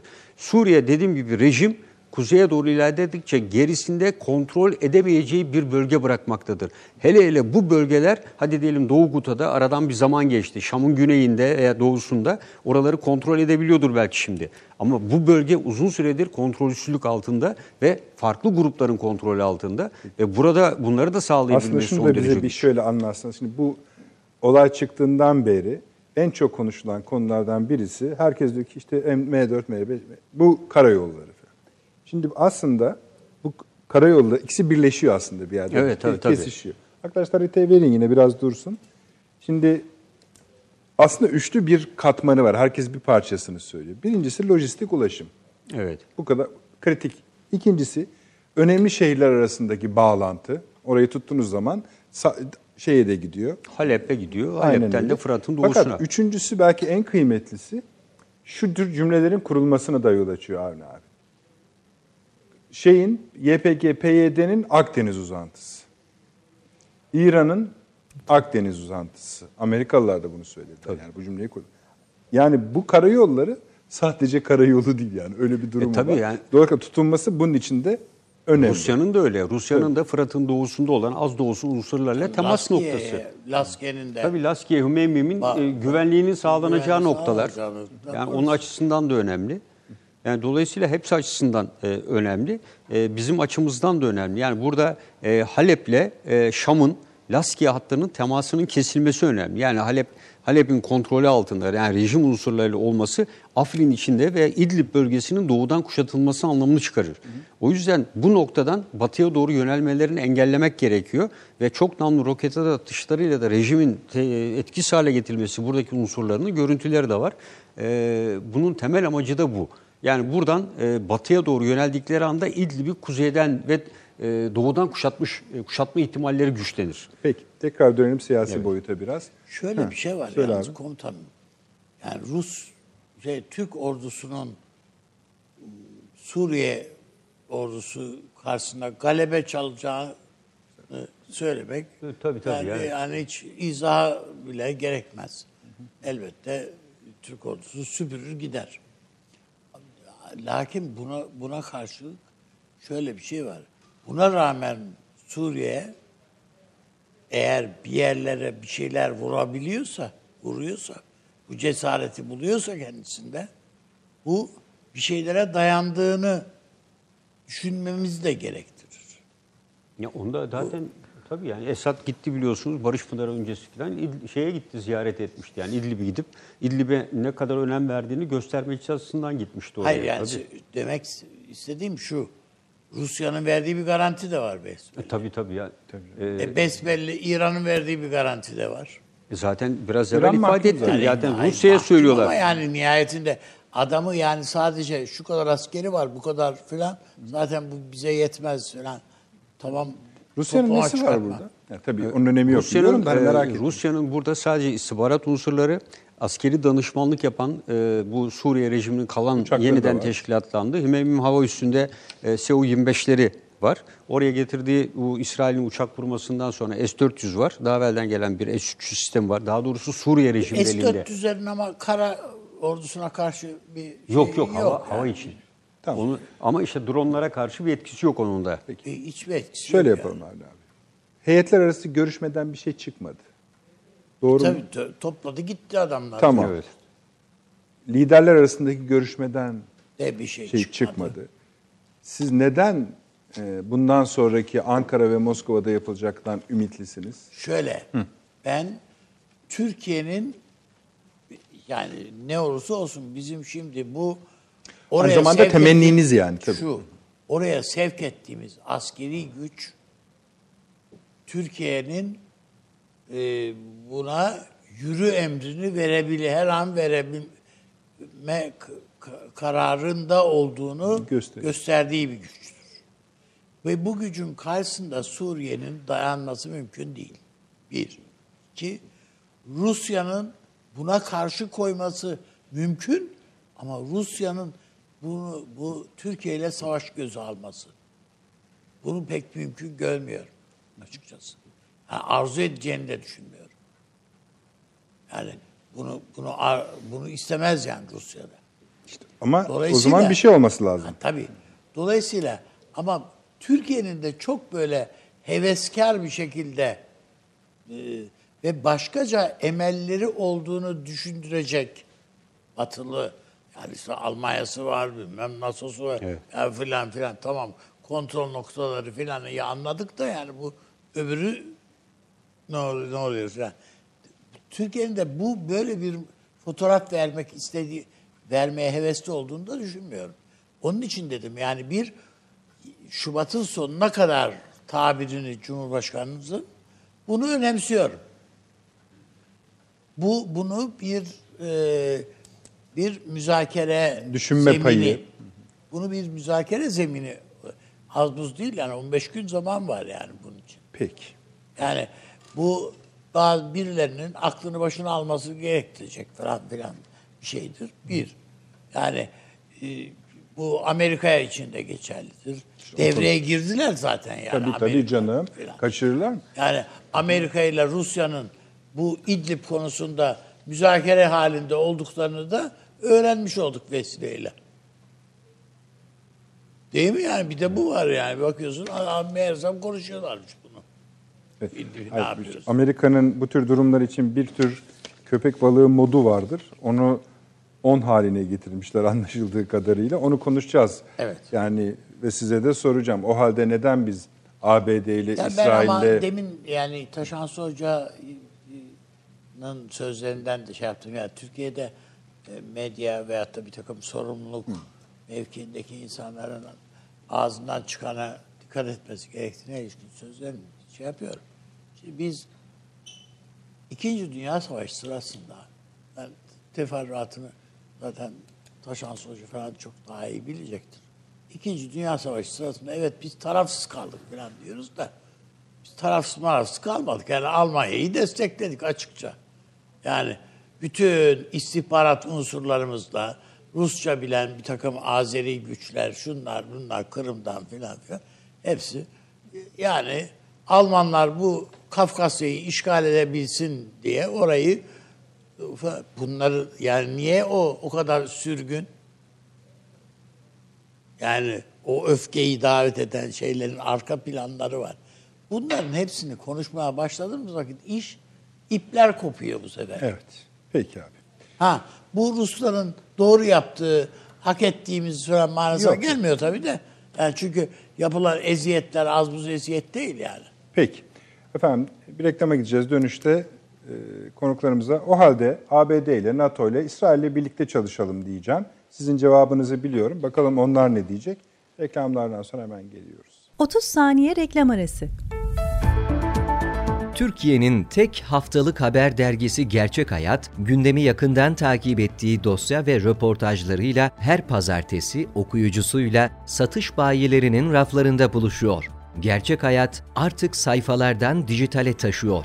Sayfalara sığmayan yazılar, röportajların perde arkası, interaktif içerikler. Gerçek Hayat artık size daha yakın. Tüm içeriklerden ilk haberdar olmak istiyorum diyenler, Gerçek Hayat GZT'nin sosyal medya hesaplarına davet ediliyor.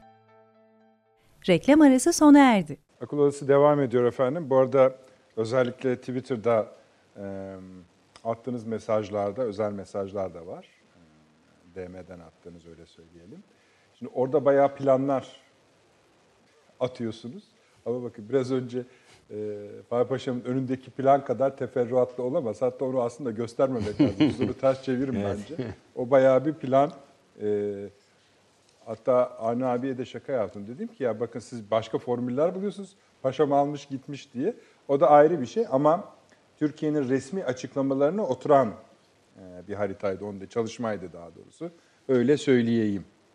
Şimdi Arne abi, e, sen geçen hafta Taşan Hoca'yı biraz şundan istedin. Evet. E, hesap sorma durumu. Evet. A- Ama onu şöyle anlat istersen. Hani biz Rusya'yı niye merak ediyoruz? Yani şu an iç- içini neden merak ediyoruz? Bu bizi Tabii, ne ilgilendiriyor e, bu konu? Bizi ilgilendiriyor dediğimiz şu. Hem bir taraftan yani her şeyimiz turizm desen Rusya ile endeksli. Doğalgaz öyle. Domates. Do- bak yine domates. Tam ağzımdan çıkıyor. Yine domatese Rusya getiriyor. ile ilgili. Efendim bu İdlib'den başlayarak Suriye Libya. Rusya ile Libya Rusya ile yani doğalgaz, enerji Suriye'nin münasır Evet, bölgesinde gene bölgesi, onunla Ruslarla evet, karşı öyle. karşıyayız. Keza e, yani nükleer santral yapıyoruz bilmem ne falan yani. Mersin'in. Bu Rusya'yı anlamak için çok fazla bir çabamız yok. Ne Rus basını Türkiye'de takip edilir. Onu biraz şöyle süz ister. Yani şu. Şöyle. Mesela Putin sağlam mı? Yani Ha, yapma, Ha. şimdi söyleyeceğim. Ha, tamam. Ne Ha, Rus peki. basını Türkiye'de Tamam. şey takip edilir. Ne Rusya siyaseti nasıl işler? Yani me- mekanizması Buyurunuz. nasıldır? Taşan. İşte meclisi, parlamentosu, şusu busu. Yani bir iki gazeteci falan dışında, meraklısı dışında Yok. işte filan. Çok fazla bilmez. Hangisinin yetkisi nedir filan. Abi, 2011'de Suriye Evet. krizinin başladığı günden bugüne bunların ekonomisi çöktü çökecek, çöktü çökecek, çöktü Ama çökecek. çökmüyor bir türlü. Ha, bilmiyoruz, Yani daha bilmiyoruz ki. ekonomi çöküyor da ama aynı zaman E ayakta. Bak hükümeti değiştirdi. Niye değiştirdi? Ne oldu? Kim Evet. gitti? Kim geldi? Evet. Hani isimleri belki bulabiliriz de o Moskova'da ne Bunlar anlama ne? geliyor? Evet, karşılığı Yani- ne? Yani adamla Bilmiyoruz. başa baş geliyorsun. Ve tabii Arkası Yani sağlam mı Biz bilmiyorsun. mesela bil, işte daha evvel vesilelerle söyledik. Yani Amerika'yı biliyoruz. Yani Pentagon ayrı, Savunma Bakanlığı ayrı, adamların isimlerini de biliyoruz. Efendim orada şu var diyoruz, orada da sivil toplum örgütleri var filan filan. Ama Bunların hepsini biliyoruz biz hemen hemen Amerika'ya ilişkin. Yani Rusya'da Dışişleri Bakanı'nın etkisi ne kadar Putin'in üstünde? Veya Genelkurmay'ın etkisi var mı yok mu? Paraları var mı Yani yok mu? Ha, paranın ötesinde Ha, canım. işte, yani, yani- belki orada da takım zenginler var. Onlar da karşılıyorlar bazı şeyleri. merkezden Belki bir şey de. anlaşılmıyor Evet. oraya gittiğinizde. Yani Yani, biz Putin- akıl odasını Moskova Kızıl Meydan'da yapınca anlarız bunu. Yani tabii. Hocam iyice yakacak. yani Putin'in Putin her dediğini yaptırabiliyor mu yani? Gücü var mı? Her her dediğini yaptırabilecek veya bir şey. Medvedev'i onun için Ben aldı ya. onun için yani Rusya'yı anlamak diye bir birimin Türkiye'de olması gerektiğini düşünüyorum tamam. neredeyse. Hayır, bir birim değil yani bunu zaten Yani o şimdiye işte kadar. yani Şimdi bu- bu, konuda Aka- çalışan hocalarımız var. akademisyen Ayrı hocalar- konu. var. Ki yani bizi bazen tatmin etmiyor Ama bu olabilirler. yani bu konuyu en iyi e, benim takip ettiğini düşündüğüm insan evet yani bir gündelik hayat da var yani Rusya'da. Şu anda hangi film oynuyor? Hangisi revaçta? Hangi televizyon dizisi revaçta? kültürel Ekmeğin yaşam. fiyatı ne kadar? Etin Hiç kilosu ne kadar? Ne kadar? Bu da dahil olmak üzere. Yani ben onun için Taşan Soyca ya bütün bunları böyle şimdi çöp belgesine etkin yani yaklaşık döktüm 20 önüne parça soru hocam. var. Ben şunu anlamaya çalışacağım sonunda. Taşans Hoca e, konuştuktan sonra biz bu adamlarla bak demek ki bu kadar bağa rağmen Yani iş gırtlak gırtlağa yani. da gelebiliyoruz. Evet. Öyle de bir durum var. Arkası önünü görmek isterim ben yani. 18 Taşans kez, Hoca- 18, 17, 18 kez savaşmışız zaten yani. En Tabii, çok evet, savaş. işte bak yani bir büyükelçinin konuşmalarında bunlar hemen gel- yine geldi. Hocam bir de biz mesela diyelim ki bir PKK falan meselelerini düşünmek durumundayız falan filan. Rusya'nın kendi iç meseleleri yani bakıyorsun dört tane generali görevden almış. Evet, bilmem yeni neyin bir hafta bilmem oldu. öyle.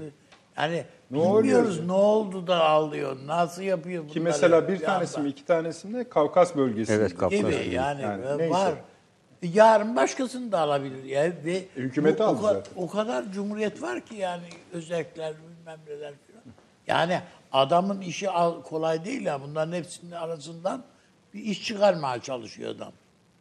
Onun için diyor İdlib diyor bizim için ufak mesele diyor zaten Büyükelçi de diyor ya başka oraları- işlere bakalım. Orta Başka Doğu'ya meseleler ait yani bir an parçalar- evvel onu ayırıp diğer meselelerimize bakalım diyor. Bu Orta Doğu'ya ait parçalara bir paçanızı kaptırırsanız valla kara delik gibidir. Ne Rusya dinler ne Amerika dinler götürür yani ben söyleyeyim. Evet. Taşansı hocam inşallah not ettiniz. Ben o kadar soruyu tekrar üst üste şey yapamam yani size söyleyemem. Ee, onun için buyurunuz Estağfurullah. yani. Estağfurullah efendim sağ olun. Ha bunlar Allah güç sorulardır versin. Teşekkür ederim, böyle- mesele o da var yani. Yok bence hayır bir de demesin çünkü lazım bunlar valla. Buyurunuz hocam. Ee, Çok sağ olun. Böyle bir imkan verdiğiniz için de çok çok teşekkür ederim. Avni Bey Üstadıma da e, hasreten teşekkürlerimi sunmak isterim bunun yanında, sizin yanınızda. E, ya şöyle şimdi e, aslında mesela biraz önceki konuşmada da biraz önceki turda da İdlib üzerinden gittiğimizde e, ne kadar e, bizi rahatsız edici bize nahoş gelen e, tavırlarla karşı karşıya olduğumuza denk geliyoruz Rusya ile bu karşı karşıya gelişlerde. E, Bu 2015 uçak krizinde de bunları yaşadık.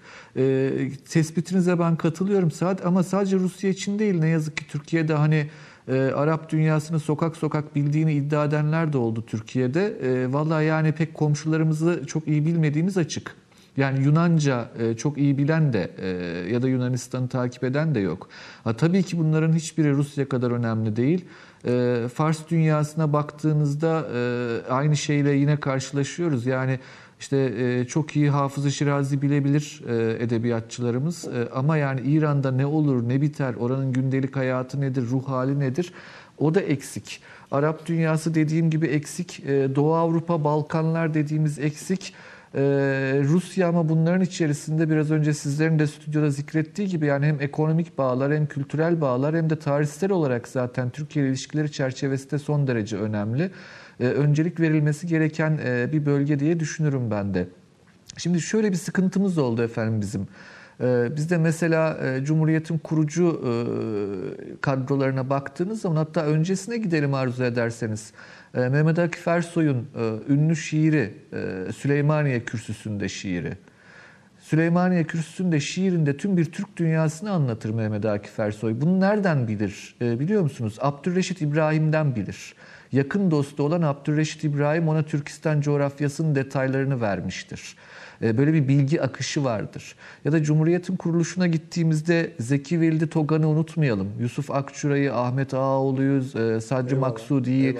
E, Dolayısıyla Rusya coğrafyasını bilen bizim elitlerimiz zaten doğrudan doğruya o coğrafyadan gelen elitlerimiz mevcut idi. Ee, ancak Soğuk Savaş dediğimiz e, melanet Türkiye'nin başındaki e, ne yazık ki işte bu bilginin kesilmesini hatta bu merakın önlenmesini bir şekilde e, sağladı Türkiye'de. E, ve son Rusya hakkında yazılan kitap mesela Soğuk Savaş'ın başlarında e, rahmetli Akdes Nimet Kurat tarafından yazılmıştır. E, Hatta bizim İlber Hoca'nın annesi Şefika Hanım da belirli Rusça e, eserlerin çevirisine yardımcı olmuştur. Ama bahsettiğim tarih 1948. Daha sonrasında Rusya'ya dair bizim akademik çalışmalarımız sadece Rus edebiyatı düzeyinde ve son derece kısıtlı, gerçekten e, mahdut bir ilgi ve imkan çerçevesinde yürüdü Soğuk Savaş bitene kadar.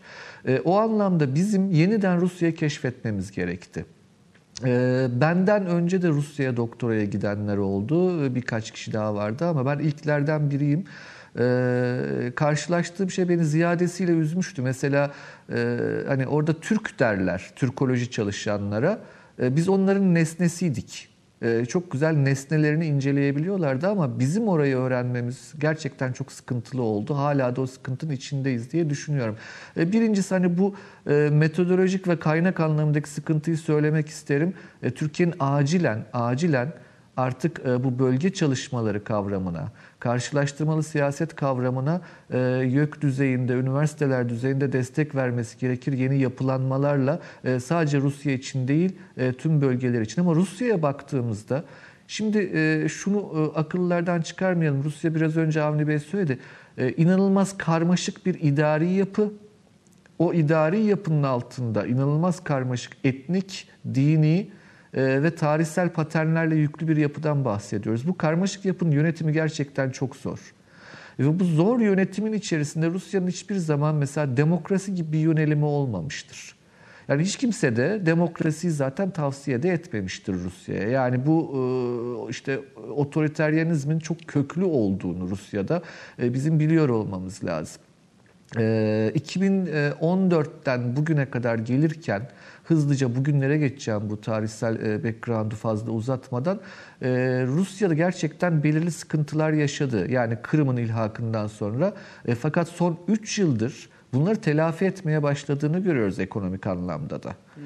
Özellikle Moskova ve Petersburg'u yani bu iki kentin bir şekilde kalkınmaya devam ettiğini, büyüme oranının yeniden pozitife geçtiğini, ve kişi başına düşen gayri safi milli hasıla mesela 7 bin dolara kadar düşmüştü.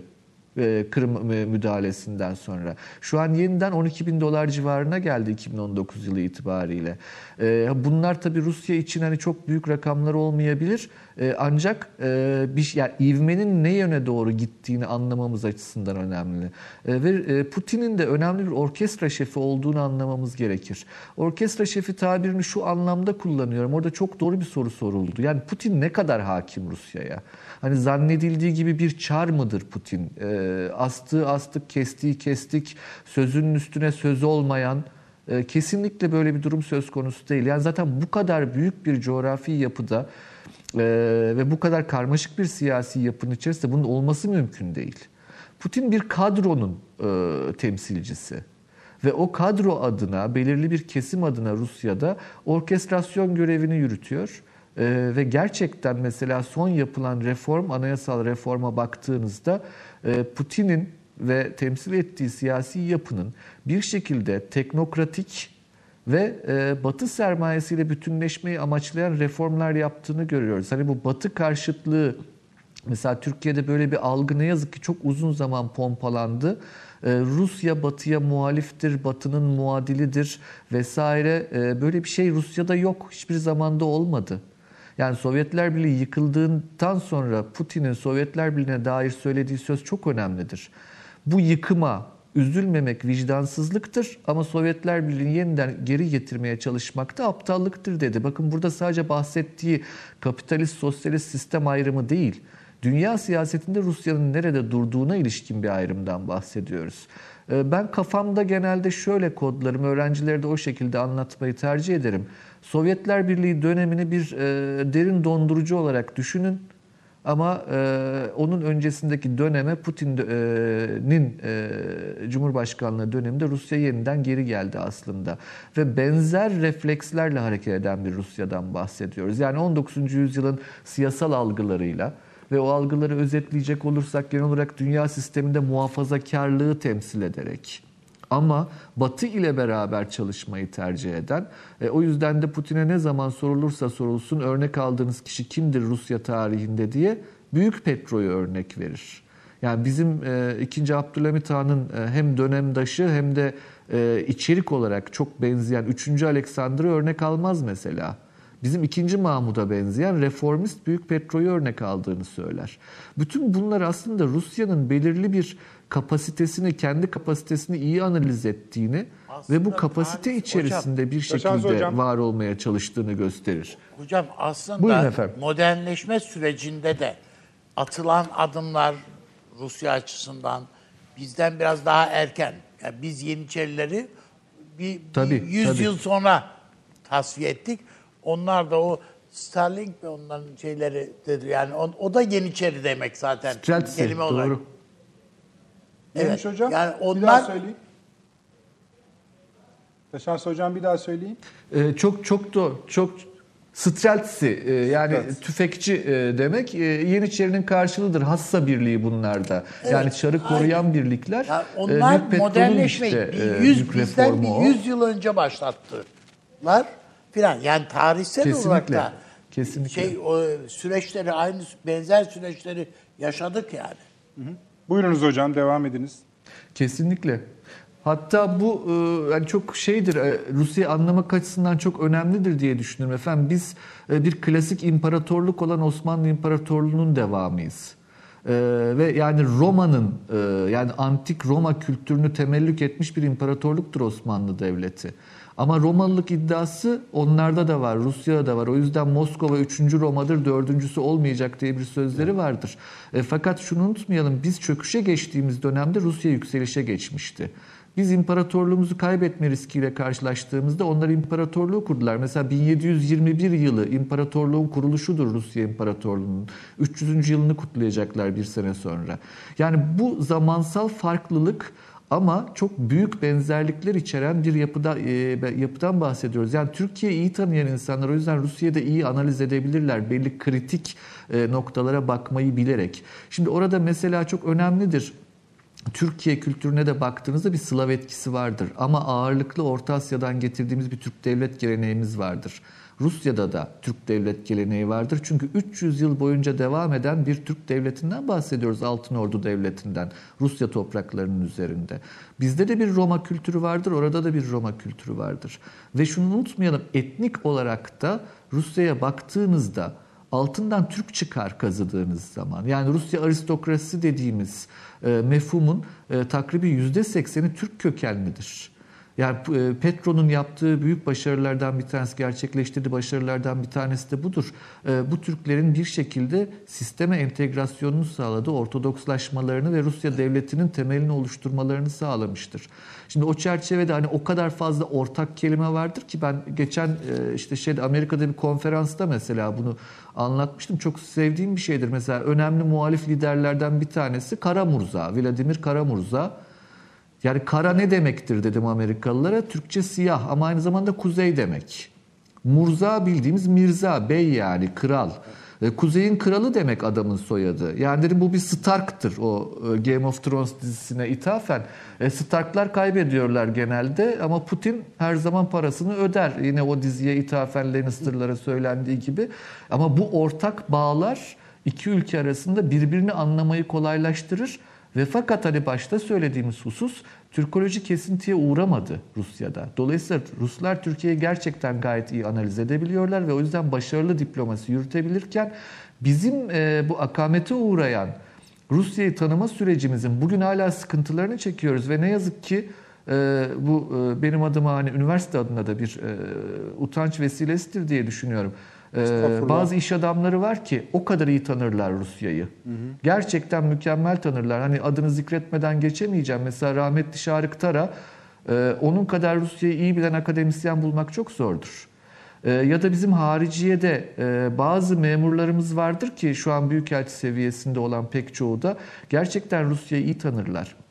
Fakat burada sorun akademinin, medyanın ve bir şekilde toplumsal olarak hani Rusya imgesinin tanınması ile ilgili ve siyaset yapıcıların da bu bilgilerden ne kadar faydalandığı konusu meçhul. Ee, onu söylemek isterim. Yani e, bu 2015 krizinde yaşadığımız şaşkınlık e, kelime eğer doğruysa e, ya da bugün de bazı e, Rusya'nın Rusya'dan gelecek tepkilerin öngörülemiyor olmasını buna bağlamak gerek diye düşünüyorum. Yani pek çok evet bizim açımızdan önemli dedik Rusya ekonomik anlamda, kültürel anlamda, stratejik anlamda vesaire ama gerçekten çok fazla canımızı sıkabilecek, hiç de bizim hoşumuza gitmeyecek pek çok kültürel öğeyi ve davranış kalıplarını da Rusya'nın içinde barındırdığını eğer biz anlamazsak gelecek tepkileri yönetme konusunda da zafiyete düş, e, düşme durumumuz oluşacaktır diye düşünüyorum. Hani bunlara baktığımızda e, özellikle Dışişleri Bakanlığı'nın, e, Doğu Avrupa Genel Müdürlüğü'nün çalışmalarının, e, Aynı şekilde istihbaratın, genelkurmayın bu alanda çalışmaları vardır zaten oraya dair ve mesela bizim hani deniz kuvvetlerine baktığımızda Karadeniz bağlamında Rusya'ya dair bir bilginin deniz kuvvetlerinin hafızasında olduğunu görürüz. Bunların kullanıma açılması, daha etkin kullanılması önemli olacaktır. Ee, Avni Bey daha önceki programlarda e, bir kere söylemişti, benim çok hoşuma gitmişti söz. Ee, bildiğin şeytan bilmediğin şeytandan evladır diye. Ee, Böyle bir şey var. Gerçekten bir aslında bilmediğimiz şeytan konumunda. Ee, şeytanı da yanlış anlamayın. Yani e, şeytanlaştırmak, demonize etmek anlamında söylemiyorum ama e, bazen e, uluslararası politikada bu karşı karşıya gelişlerde e, tanımadığımız bir e, entiteyle karşılaştığımızı görüyorum gerçekten. O anlamda içeriğine bakmak önemlidir. Siyaseti anlamak önemli Rusya'da. Orada da bir, dedim ya biraz önce. Türkiye ve Rusya'yı karşılaştırın. Çıkan sonuçların %90'ı doğrudur. E, ama birkaç farklı o farkları söyleyeyim. E, Rusya etniktir. Türkiye kadar e, bir cumhuriyet kimliği yoktur çünkü. Etnik olduğunu hatırlayalım. Kim hangi etnisiteden önemlidir Rusya'da? Birincisi bu. İkincisi e, Rusya'nın e, idari yapısında ve tarihinde bizimle o 100 yıllık fark. Yani bizim düşüşümüz onların yükselişine tekabül etmesin. Akıllarımızda tutalım. E, üçüncüsü Rusya'yı artık soğuk savaş kalıpları içerisinde değerlendirmeyelim. Bütün bunları aklımızda tutup eğer Türkiye ile benzerlikler kurarsak çok rahat anlaşılabilecek bir ülkedir. Öyle çok da anlaşılmaz bir yer değil. Ama sadece kafamızdaki bazı e, zihinsel sınırları zannediyorum aşmamız gerekiyor Rusya'ya dair. Aşmayı E, deneyelim Taşansı Hocam. Şöyle hatadır. yapalım isterseniz. Çok, çok teşekkür Tabii. ediyorum. Devam edin ama mesela şunu sormak isterim ben. Bir Lütfen. bir ordu var. Yani Rusya'nın bir ordusu var ve bu bir ordu. Ee, beslendiği Evet. damarları biliyoruz yani tarihi boyutlarını biliyoruz vesaire vesaire. Ve bu yani konvansiyonel ordular içinde de yani sadece nükleer silahlar açısından söylemiyorum. Bayağı iyi bir ordudur. Zamanında da çok iyiydi. Ee, o kırılma dönemi hariç çalıştığını biliyoruz. Mesela bu ordu, mesela bir demografi sorunu var Rusya'nın. Etnik açıdan nasıl bir ordu?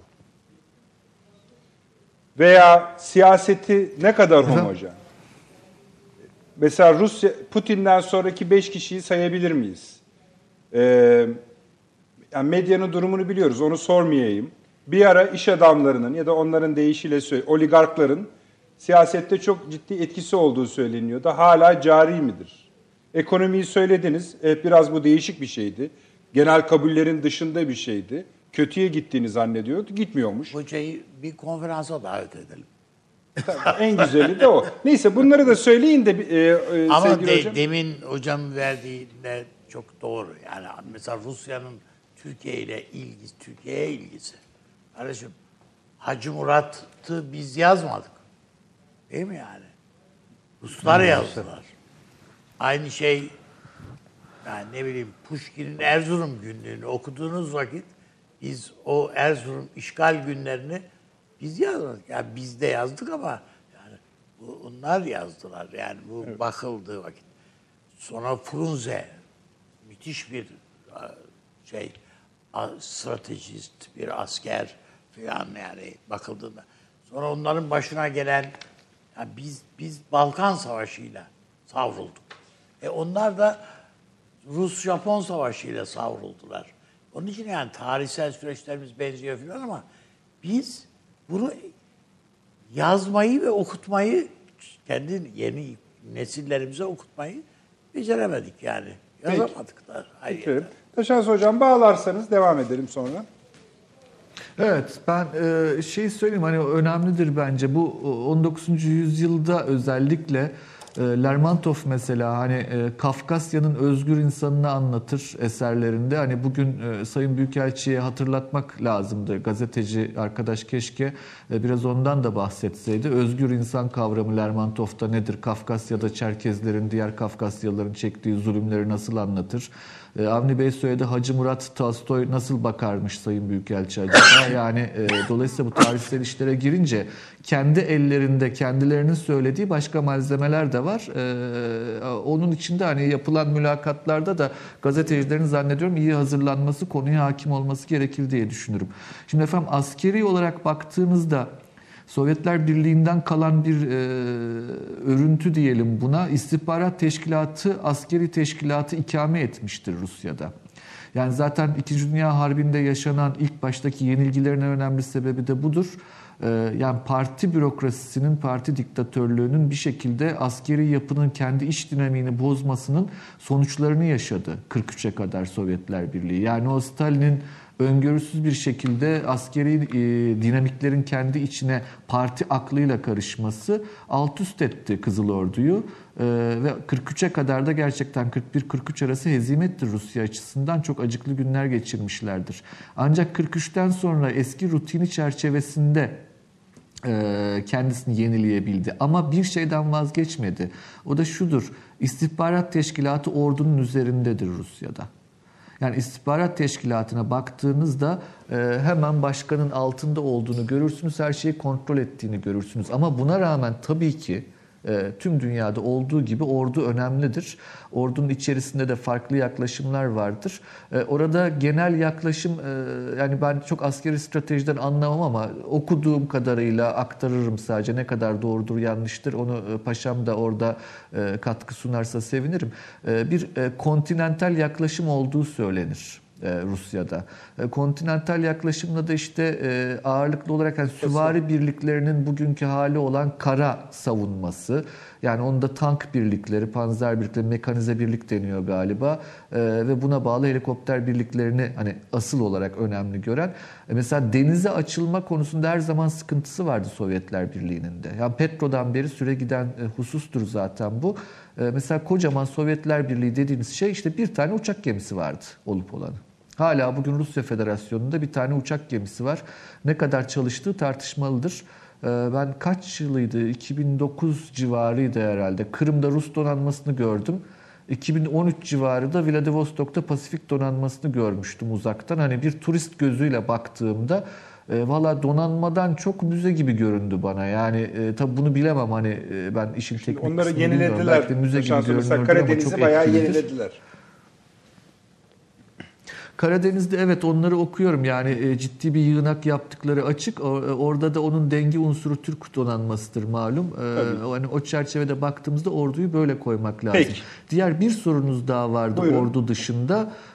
O da hani yapı, oradaki hükümet yapısı. Hükümet yapısına baktığımızda hani ısrarla şunu söyleyelim ne olur bu özellikle son formasyon çok keskin, sert ekonomik ve sosyal reformların olacağı bir döneme giriyor Rusya. Ee, ve e, genelde bunu yaptıklarında hızlı kalkınma, hızlı atılım dönemlerine girerler. Ee, yani Sobyanin e, ekibi olarak tanımlanıyor bu Moskova Belediye Başkanı. Ee, gerçekten e, teknokrat e, çok da hani Rusya ile Türkiye'nin önemli farklarından biri onu da aklımızda tutalım. Bizde mesela modernleşme ve reformların şiddet olduğu iddia edilir. E, hiç katılmam ben buna. Sadece küçük bir karşılaştırma Rusya'ya bakarsanız şiddet modernleşme nasıl görürsünüz. Onlar yapınca keskin yaparlar. Hani Rus aklının temel özelliğidir o. E, Uçlarda olmayı sever Rus aklı. Peki. E, O yüzden hani e, zannediyorum ki 4 yıl sonrasında hazırlık çerçevesinde hızlı bir e, ekonomik reform e, çabası içine girdiğini göreceğiz Rusya'nın önümüzdeki Çok teşekkür dönemde. ediyorum hocam. Sağ olun. Önemli bir şey ekliyor musunuz?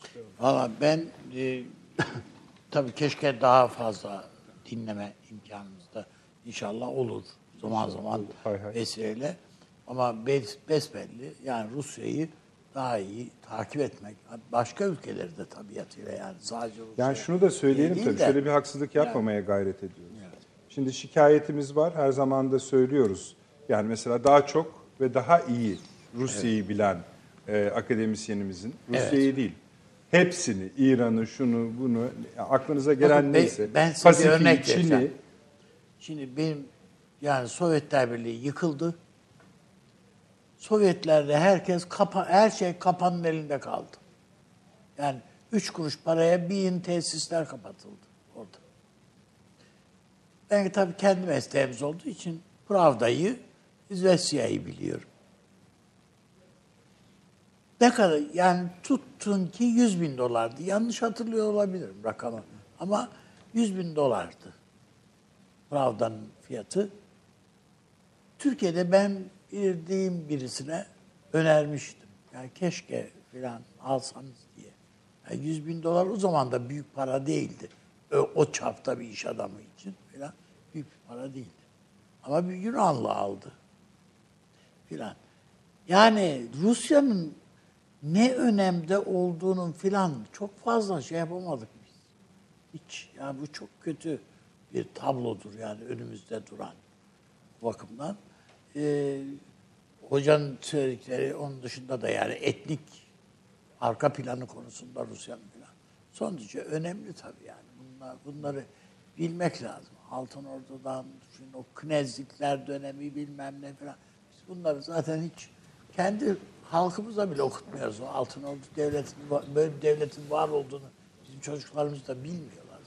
Sadece futbol takımı diyebiliyorlar. Ha evet Altın Ordu'yu öyle biliyor. Şimdi şöyle onu bir söyleyelim de. Ee, şimdi medyaya da bir eleştiri geldi. Eyvallah peki. Medyaya şikayetimiz... Ha demin mesela sen söyledin yani Rusya'ya efendim Putin'den sonraki beş kişiyi biliyor muyuz? E Türkiye'de de Tayyip Erdoğan'dan sonraki beş kişiyi bir say bakalım. Yok. Hayır, belki orada vardır. Ha, be. Yok zannetmiyorum. Orada da yok. Bildiğimiz. Medvedev vardı, o da gitti. Yani, O Medvedev yani zaten garip bir laf şey. olsun diyeceğim. Bizde de var yani o kadar o, kadar biliyoruz yani. Peki. Bir söyleyelim. İlk önce şu e, akademik Yani öyle haksızlık etme yani. Tamam. Yok bir şey demedik abi. Akademik olarak söylediklerimiz esasında şudur. Bu alanlarda çalışan bilim insanımız yok değil. İşlerinde çok iyileri de var. Gel gelelim şu anki konjonktür ne nitelik ne de nicelik açısından bize yetecek durum değil. Bize 5 tane Rusyacı yetmiyor. 5 tane İrancı yetmiyor. 10 tane Çinci yetmiyor. Çin Onlar, uzmanı ama yetmiyor. bu, bu insanların topluma eğer ulaşamıyorsa Tabii bu o da- insanlar ha, evet o da çok suçu, Şimdi güzel. biz mesela Taşan Hoca'yı programlar vesilesiyle Tabii, ta- öyle tabii. tanıyoruz, Tabii, ediyoruz filan. Muhtemelen bizim dışişleri filan da hocayı tanıyor filan.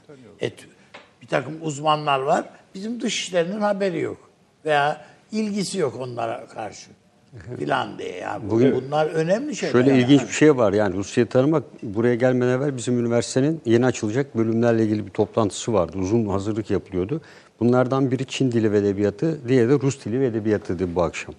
Ee, Rusça'nın öğretilmesi konusunda hazırlıkta bir sorun yok. Ama Rus dili ve edebiyatının 2, 3, 4. sınıflarda okutulabilmesi için hoca bulunamıyor. Yani İşte kadroya yani şunu girecek, mümkün yani istediği hani basıfta... Onlar yetişecek de Evet. onlara hoca bulacağız da oradan İki, Ama iki saat evvel şöyle- görüştüğümüz konuydu Ama bu. şöyle bir şey var. Yani Napolyon İtalya'ya yürüdüğü zaman İtalyanlar terlenip toparlanıyorlar. Diyorlar ki ne yapalım? Böyle akıllı birisine kapıya gidiyorlar. Diyorlar ki ne yapalım? Adam diyor ki okul açın.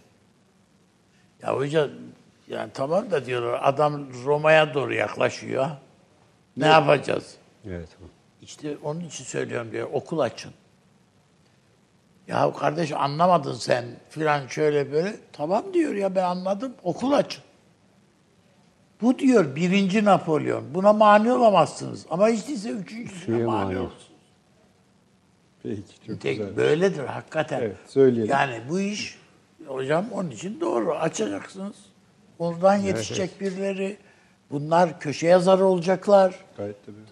Başka konularda yani illa İlla Rusya konusunda olması değil. gerekmiyor. Devlete, dışişlerine, şuraya, buraya ne kadar çok o kadar iyi. Yani işte zaten sıkıntı burada. Neyse bir de alınganlık da yaratmak istemiyorum ama şikayetlerimiz var yani. Onu da söyleyelim. İki tane son dakika gelişmesi var efendim. Birincisi Kerkük'teki ABD üssüne bir saldırı gerçekleşti. Ee, olabilir, normaldir artık bizim bu, bu topraklarda bu işler oluyor. Sanırım ölü de var. Ee, Ben bir son bir soru sormak istiyorum şeye. Şunu da söyleyeyim abi, Fırka'ya. son dakikayı. Yine Kerkük dediğin diye Tamam, soracağım. tamam. Onun Şunu için da soracağım. söyleyeyim. Bu AB, ABD Senatosu da Trump'ı İran'a sa- Trump'ın İran'a savaş yetkilerini kısıtlayan bir yasayı e, onayladı. Şimdi şeye gidecek, Ha, Temsilciler Meclisi'ne. yani aslında e, komutanımıza da sorayım o- bu soruyu. Buyurun. Ben Amerika'nın da Rusya'nın da Irak ve Suriye'yi aynı paketin içinde görmekte ol, eğiliminde oldukları kanaatindeyim. Acaba ne derler? Hocam sizden başlayalım. Yani belki ben biraz daha büyütüp e, Körfez'i de içine katacak şekilde olabilir. İran'ı Çünkü katmadınız. Yani Irak'da biz yani biz tek tek İdlib Midlib diye bakıyoruz. Büyükelçinin söylediği o aslında. Bırakın İdlib'i aşalım.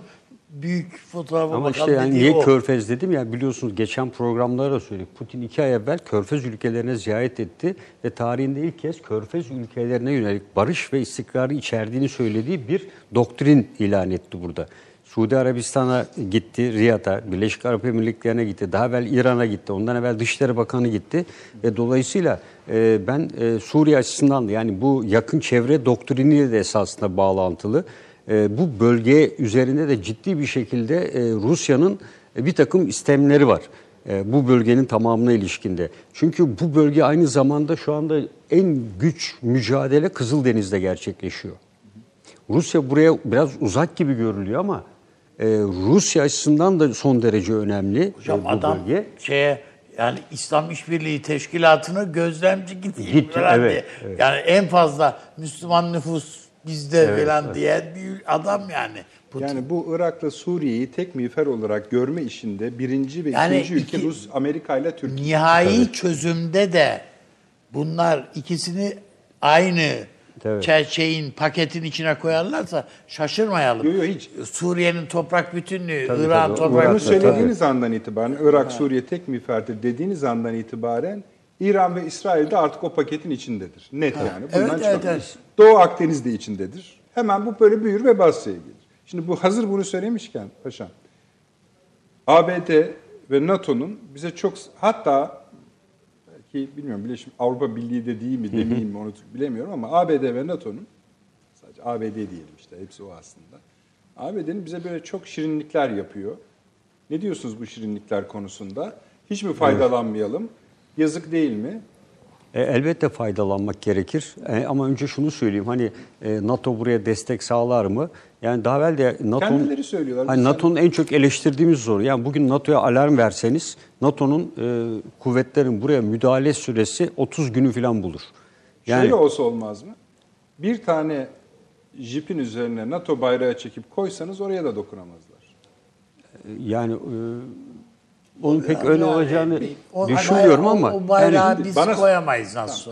Hayır, hayır abi, onlar kendileri diyor. Biz bir şey demedik. ABD biliyorsunuz ne açıklamalar? James Jeffrey'nin açıklamaları ortada. Ve bize şunu söylüyor bakın.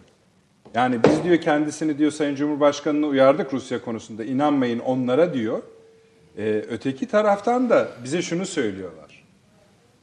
Esed'e Esed konusunda yerden göğe haklısınız. Sizinle tamamen aynı yerde buluşuyoruz. Hiçbir ayrımımız yok. Peki Kim söylüyor bunu? Jeffrey. Jeffrey. Şey de Amer- söyledi. Amerikan Dışişleri Bakanı da söyledi. ya bunlar bu bunlar bu Amerika hakikaten böyle düşünüyor anlamına mı geliyor? Yok hayır öyle mi bilmiyorum. Şimdi yani, tamam bir kanaatimiz var da. Şimdi Esed'le ilgili düşüncelerimizin ortak olduğu bir dönem daha vardı biliyorsunuz. ama Obama dönemiydi. Hah. Şimdi bize diyorlar ki Avni abi bakın burası eski Amerika değil. Biz de Obama değiliz. E biz de eski Türkiye değiliz. Orada bize atılan kazık yüzünden işte bu 10 yıldır yıl. bu Suriye felaketi devam ediyor. O yani işin esası. Krizin nedeni Obama. Yani esas Yani şöyle bir şey söyleyeyim. Aslında krizin nedeni Obama mı? Onu o baş- yani işi ta o Condoleezza Rice'lara filan filan da geriye doğru da götürebiliriz. Bu Amerika'da, Rusya'da aslında çok fazla bir şeyler değişmiyor. Yani başkanlar geliyorlar, başkanlar gidiyorlar. Ben yani o Obama Türkiye'ye geldiği vakit bizim mecliste konuşma falan da yaptı. Tü- Türkiye Obama gelince kurban kesilen bir ülke yani. Onun için biz aferime bulgur pilavı gidiyoruz zaten. Onun için bizi adamın kafaya alması çok zor değil. Nitekim Şam'da gittik, namaz kılıyorduk falan yani. Bütün bunların hepsi yürüyün gidelim havasındayız. A- Arap Baharı filanını doğru analiz edebildik mi ki biz Suriye'de başımıza neler geleceğini bilelim? Yok. Biz hani bir rüzgar esiyor, o esiyor yani. İşte bak geldi buraya da, oraya da. O da düştü, bu da düştü. İşte heriflerin duvarlarından bile döviz püs- püskürüyor bu Arapların falan diye değil mi yani? Türkiye televizyonlarında bunların hepsini yayınladık yani. Oh iyi oluyor falan yani. Bu Amerika iyi tokatladı Yani bunları şunu- falan. sonuçta şuna gelin. Bu Amerika'yla biz bu şimdi bu dediklerini ne yapalım? Suriye konusunda bize getirdiği yaklaşımı nasıl değerlendirelim? E tamam eğer yani bunu eğer Suriye konusunda bizim bir siyasetimiz siyaseti biz oluşturacağız. Amerika'nın önüne biz getireceğiz. Yoksa Amerika zaten bizim önümüze bir şey getirir yani. Getirip koyar yani. Eğer buna ve buna evet demeye zorlar. Yarın bir gün sadece buna evet demekle kalmazsın yani. Peki Adam der ki bu e, İsrail e, şu yüzyılın anlaşmasına da evet de yani bari. Tabii arkası o gelir Hazır. çünkü. E, tamam canım, Arkası bu- peyir... Ay sen bulup bulmadığınızı sordum ben sadece. Mesele değil. Beş gündür Şey- bunun altyapısı var. Yani çünkü bu Rojava özel bölgesinin temsilcileriyle Rusya'nın da bilgisi dahilinde Şam'da ve Hümeymi Hava Üssü'nde iki ayrı toplantı yapıldı geçen hafta içerisinde. Bu toplantıda e, Fırat'ın doğusunda e, Suriye'nin kuzeyi olan bölgesindeki yeniden yapılanmanın, e, oradaki şehirlerdeki güvenlik ve sivil yönetimin nasıl olacağı, ve e, PKK'nın yani YPG'nin bu özerk bölgenin sözde Şam rejimiyle nasıl işbirliği içinde yaparak oranın güvenliğini sağlayacağı konusunda yakın bir e, işbirliği ve bunun e, bir komisyon oluşturuldu. Bunun şartlarını belirlemek Komutanım, için. adam devlet kuruyor. İşte evet, Yani işte- onun tefer yani adam teferruatlarına girmiş. artık. Bunu bunu Amerika Birleşik Devletleri'nin e, bilgisi ve onayı olmaksızın YPG'nin yapması mümkün değil. E, dolayısıyla bu sürece girdiğimize göre e, artık Amerika Birleşik Devletleri esas itibariyle e, rejimin e, bu bölgeye çünkü petrol bölgelerinin üzerinde oturuyor şu anda. Kalitesiz bir petrol olsa da ama hep söylüyoruz bu bölgeler petrol için değil Amerika için veya elde edilen gelir açısından da değil İsrail'in güvenliği için son derece önemli. Dolayısıyla şu andan itibaren bence Suriye'de e, kim nereye oturmuşsa e, o bölge onun elinde kalacak. Bundan sonra Suriye bütünlüğü sağlanan bir Suriye olarak Bu kalmayacak. meseleye daha çok mu oturalım E yani? tamam. Oturalım. Ben de ben de diyorum ki bu kontrol ettiğimiz alanın büyüklüğünden vazgeçmeyelim. Evet. Ben bunu hem fikirim. Ama askerimiz de risk içinde Tabii, tutmayalım tutmayın, yani. tabii. Bir ya benim söylediğim daha evvelden de söyledim. Biz bizim bir Irak politikamız yok. Bana göre. Bizim bir Suriye politikamız yok. Ya to- toprak bütünlüğüydü, şuydu, buydu filan. Bunlar değil yani. Ee, ke- keza bunlar e, Suriye'nin etnik yapısını bile doğru şey yapamıyoruz biz. Ya bu nasıl işte hal- halkın yüzde yetmiş beşi Sünni. Yani yüzde onu, onu, Pek on bir üçü. şey değil abi. Onları biliyoruz yani. Yani bi- ya biliyoruz da buna göre iyi, a- amel etmiyoruz ama. Ama ilginç Bilmek olan da yani. Trump'ın senatoda yetkilerini kısarken Kerkük'te e, Amerikan üssüne saldırı düzenleniyor. Yani e, bunların e, bunları da Hocam esas be- onlar belki de kendileri İşte düzenliyor hocam. evet, ya işte adam, yani, evet. Adam Yani kendi kendine, saldırıyor saldırı belki. düzenliyor. Yani onun zamanlaması ilginç. oluşturacak Tabii yani tabii adam gerekçe. belki. Bak diyor sen kısıtlıyorsun ama saldırı var e, demeye getiriyor. E, zamanlaması çok ilginç. Yani iki e, Yani sonra olayın- zaten ta, ta- yakın tarihte de bu iki devleti sırf a- Orta Doğu'da şeyi Osmanlı'yı parçaladık. Yani her birine bir de bir krallık verelim diye parçalamadılar mı bunlar?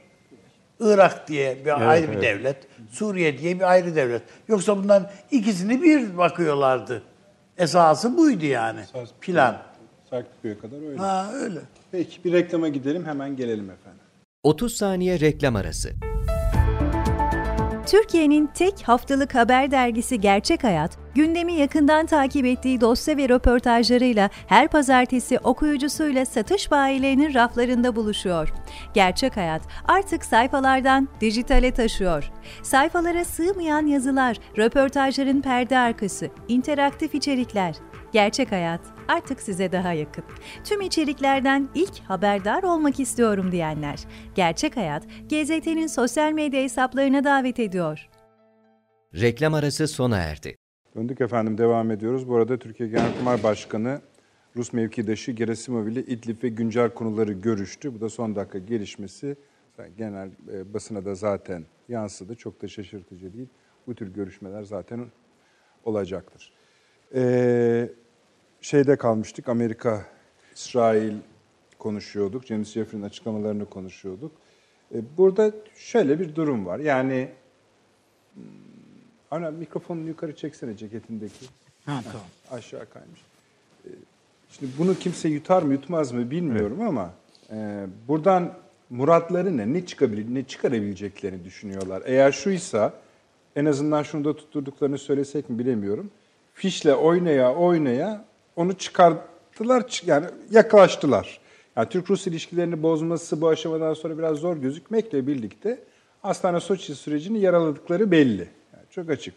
Şimdi burada hani Türkiye'yi kazanmak adına yaptıkları şey ne kadar işlevsel? Ya ben e, biraz evvel ifade ettim ya bunu sözde Rojava özerk bölgesinin hamlesiyle paralel görmek lazım. Ve Kamışlı'da evvelsi gün gerçekleşen olaylarla da paralel görmek lazım. Dikkat ederseniz Amerika'nın Kamışlı heves varusu sadece düne ilişkin değil. E, biz Barış Pınarı Harekatı sırasında Kamışlı bölgesinden Türkiye yönelik ve buradaki vatandaşlarıma yönelik havan saldırıları olduğunda Türk Silahlı Kuvvetleri bu bölgeyi yoğun bir şekilde ateş altına almıştı. Ve bu bölgeye girme ihtimali söz konusuydu. E, çünkü çok ciddi bir şekilde Nusaybin bölgesinde can kaybı yaşanmıştı. Ve bunun üzerine dikkat ederseniz Amerikalılar bu bölgeden çekilmelerine rağmen hemen dört tane zırhlı araçla bu bölgeyi Amerikan bayraklarıyla gererek Kamışlı içinde devriye e, görevi ifade ettiler. ifade ettiler. Normalde Kamışlı'da şimdi Amerikalıların olması gerekiyordu. Hayır. Mutabakat gereği e, o bölgede Rusların devreye gezmesi gerekiyor. Rusların bayrakların olmasının nedeni Rusya ile yapılan mutabakat, Türkiye'nin yaptığı mutabakatla Barış Pınarı e, harekatı bölgesinin doğusu ve batısındaki 10 kilometrelik alanda e, sınırdan itibaren Rusya ile ve Türkiye ile devriye faaliyeti icra edecekti. Buradan Kamışlı hariç vesaire falan gibi bir kavram yok. Hadi Kamışlı hariç diyelim. Peki Rusya ile birdenbire Amerika Birleşik Devletleri'nin aynı zaman dilimi içinde Kamışlı'da karşılaşmaları bir tesadüf olarak açıklanamaz. Ve bütün bunları e, Türkiye'nin Barış Pınarı Harekatı'nı e, bölgesi olarak şu e, tahdidi koymuştuk. Esas olarak burada icra edilen sözde özerk bölgelere dokunamadık diye. Biri doğudaydı, biri batıdaydı biliyorsunuz. Kobane dedikleri bölge. Evet. Ve bu bölgeleri e, şu anda Amerika Birleşik Devletleri Rusya ile açıkçası işbirliği içinde canlandırmaya çalışıyorlar. Niye Kamışlı dediğimizde Kamışlı e, Kuzey Irak bölgesel Kürt yönetimine açılan Irak'ın en önemli kapısıdır. E, dolayısıyla ve Kamışlı bölgesinin aynı zamanda bir şekilde M4 karayolunun da bir nevi başlangıç noktası güneye doğru inen yolun da başlangıç noktası olarak düşünmek lazım. Ve Türkiye'ye en yakın bölgedir. Türkiye'nin en büyük ilçelerinden biri olan Nusaybin'e çok yakın e, bölgede olan bir yerdir. Ben bundan dolayı Kamışlı bölgesinde iki ülkenin devriye araçlarının e, ki onların oraya geldiğini insan hava araçları, gözlem uyduları hepsi görüyor. Kendi merkezleri de izliyor bunu zaten. Oradan kendi başına dört tane Amerikan aracının gezecek hali yok. E, ve bu bölgeye gelmek suretiyle ikisi de birbirine bir mesaj verdiler esasında bu bölgeyle ilişkin. Burada olması gerekenler normal mutabakat gereği Ruslardı. Amerikalıların hareketlenmesi Jeffrey'nin bu bölgeye Türkiye'ye gelişiyle birlikte olmuştur. Bazı yerleri de vurduğu söyleniyor. Evet. Amerika'nın. Özellikle Tabii. İran İran milislerinin İran olduğu milislerin yerleri olduğu yerleri dolayısıyla Jeffrey ile geldiğinde Yani de silah kullandı. Evet. Silah kullandı bir de Silah kullandı tabii. Burada Jeffrey ile ilgili olarak da bence Türkiye'nin olası bir harekatı sırasında veya olmadan Amerika yine kimyasal silah veya benzeri etkileyerek burada e, üç tane tugayı var. Yani bunların her birini de işte Hazreti Fatima e, ve onların isimlerinden alınan tugaylar. Yani böyle değişik e, isimleri var pek e, ezberlenemiyor. Örneğin Zeynepiyun tugayı. 2000 kişilik Pakistan kökenli savaşçılardan oluşuyor. E, diğeri e, Fatimiyun Tugayı. E, bu da e, Pa- e, Afganlardan oluşuyor. E, 4000 5000 civarında oluyor. Dolayısıyla Hazreti Hüseyin'in kızı Rukiye, Hazreti Ali'nin Ümmü Beli'nin oğlunun isimlerini Tugaylara veriyor. Burada toplam baktığınızda 15 bin 20 bin kişilik bir e, Suriye'nin genel kuvvetinin resmi, şu anki gayri resmi rakamlara göre 50-60 bin olduğunu düşündüğümüzde ki bütün Suriye için bu. 60 binin içinde mi bu? 60 bin içinde bu rakamlar. Dolayısıyla neredeyse üçte birinden fazlasını İran milisleri oluşturuyor. Tabii canım öyle. Yani bu rakamlara baktığımızda e, dolayısıyla İran'ın İran'ın buradaki bence Türkiye'ye yakınlaşmasının hedefi olası bir harekatta elbette Kuzey e, Suriye'nin kuzeyiyle ilgili e, burada bir e, devlet Kürt devleti oluşturma heves var. Su Amerika'da her zaman var. Fakat bu üç tane bu isimle alınan Tugayları bir şekilde İsrail'in güvenliği için ve İran'a yönelik olası bir harekat zemini açısından bunların İsrail'e yönelik saldırılarını önleyebilmek için çünkü 20 bin kişilik bir kuvvet oluşuyor. Hizbullahları da Hizbullah'ı da dikkate aldığınızda 20 bin kişilik bir kuvveti var İran'ın burada. Az bir şey değil bu. Çok ciddi bir şeyden bahsediyorsun. tabii Ve öyle. Bunun muhakkak bizim açımızdan da Tabii, tabii. iyi, iyi tartılması Yani sen gereken bir şey. diyorsun ki kardeşim burada e, Heyet Tahrir Şam var. Evet. No, İran'la şu var bu var diyorsun. E senin de orada İran milislerin Evet, var. tabii. Sen bunları terörist diyorsun. Onlar bilmem ne. Onlar bizi vuruyor. E bunlara da Amerikalılar terörist diyor. Öyle. Yani e, devrim muhafızdan Evet, öyle. adamları bunlar da Amerikalılar terörist diyor. Şimdi yani, James Jeffrey'nin yaptığı açıklamalarda ya da açıklamalar demeyelim de burada yaptığı görüşmelerde söylediği bazı şeyler var. Mesela diyor ki Suriye'de Rusya ve İran'ın farklı amaçları bulunduğunu düşünüyoruz. tabii.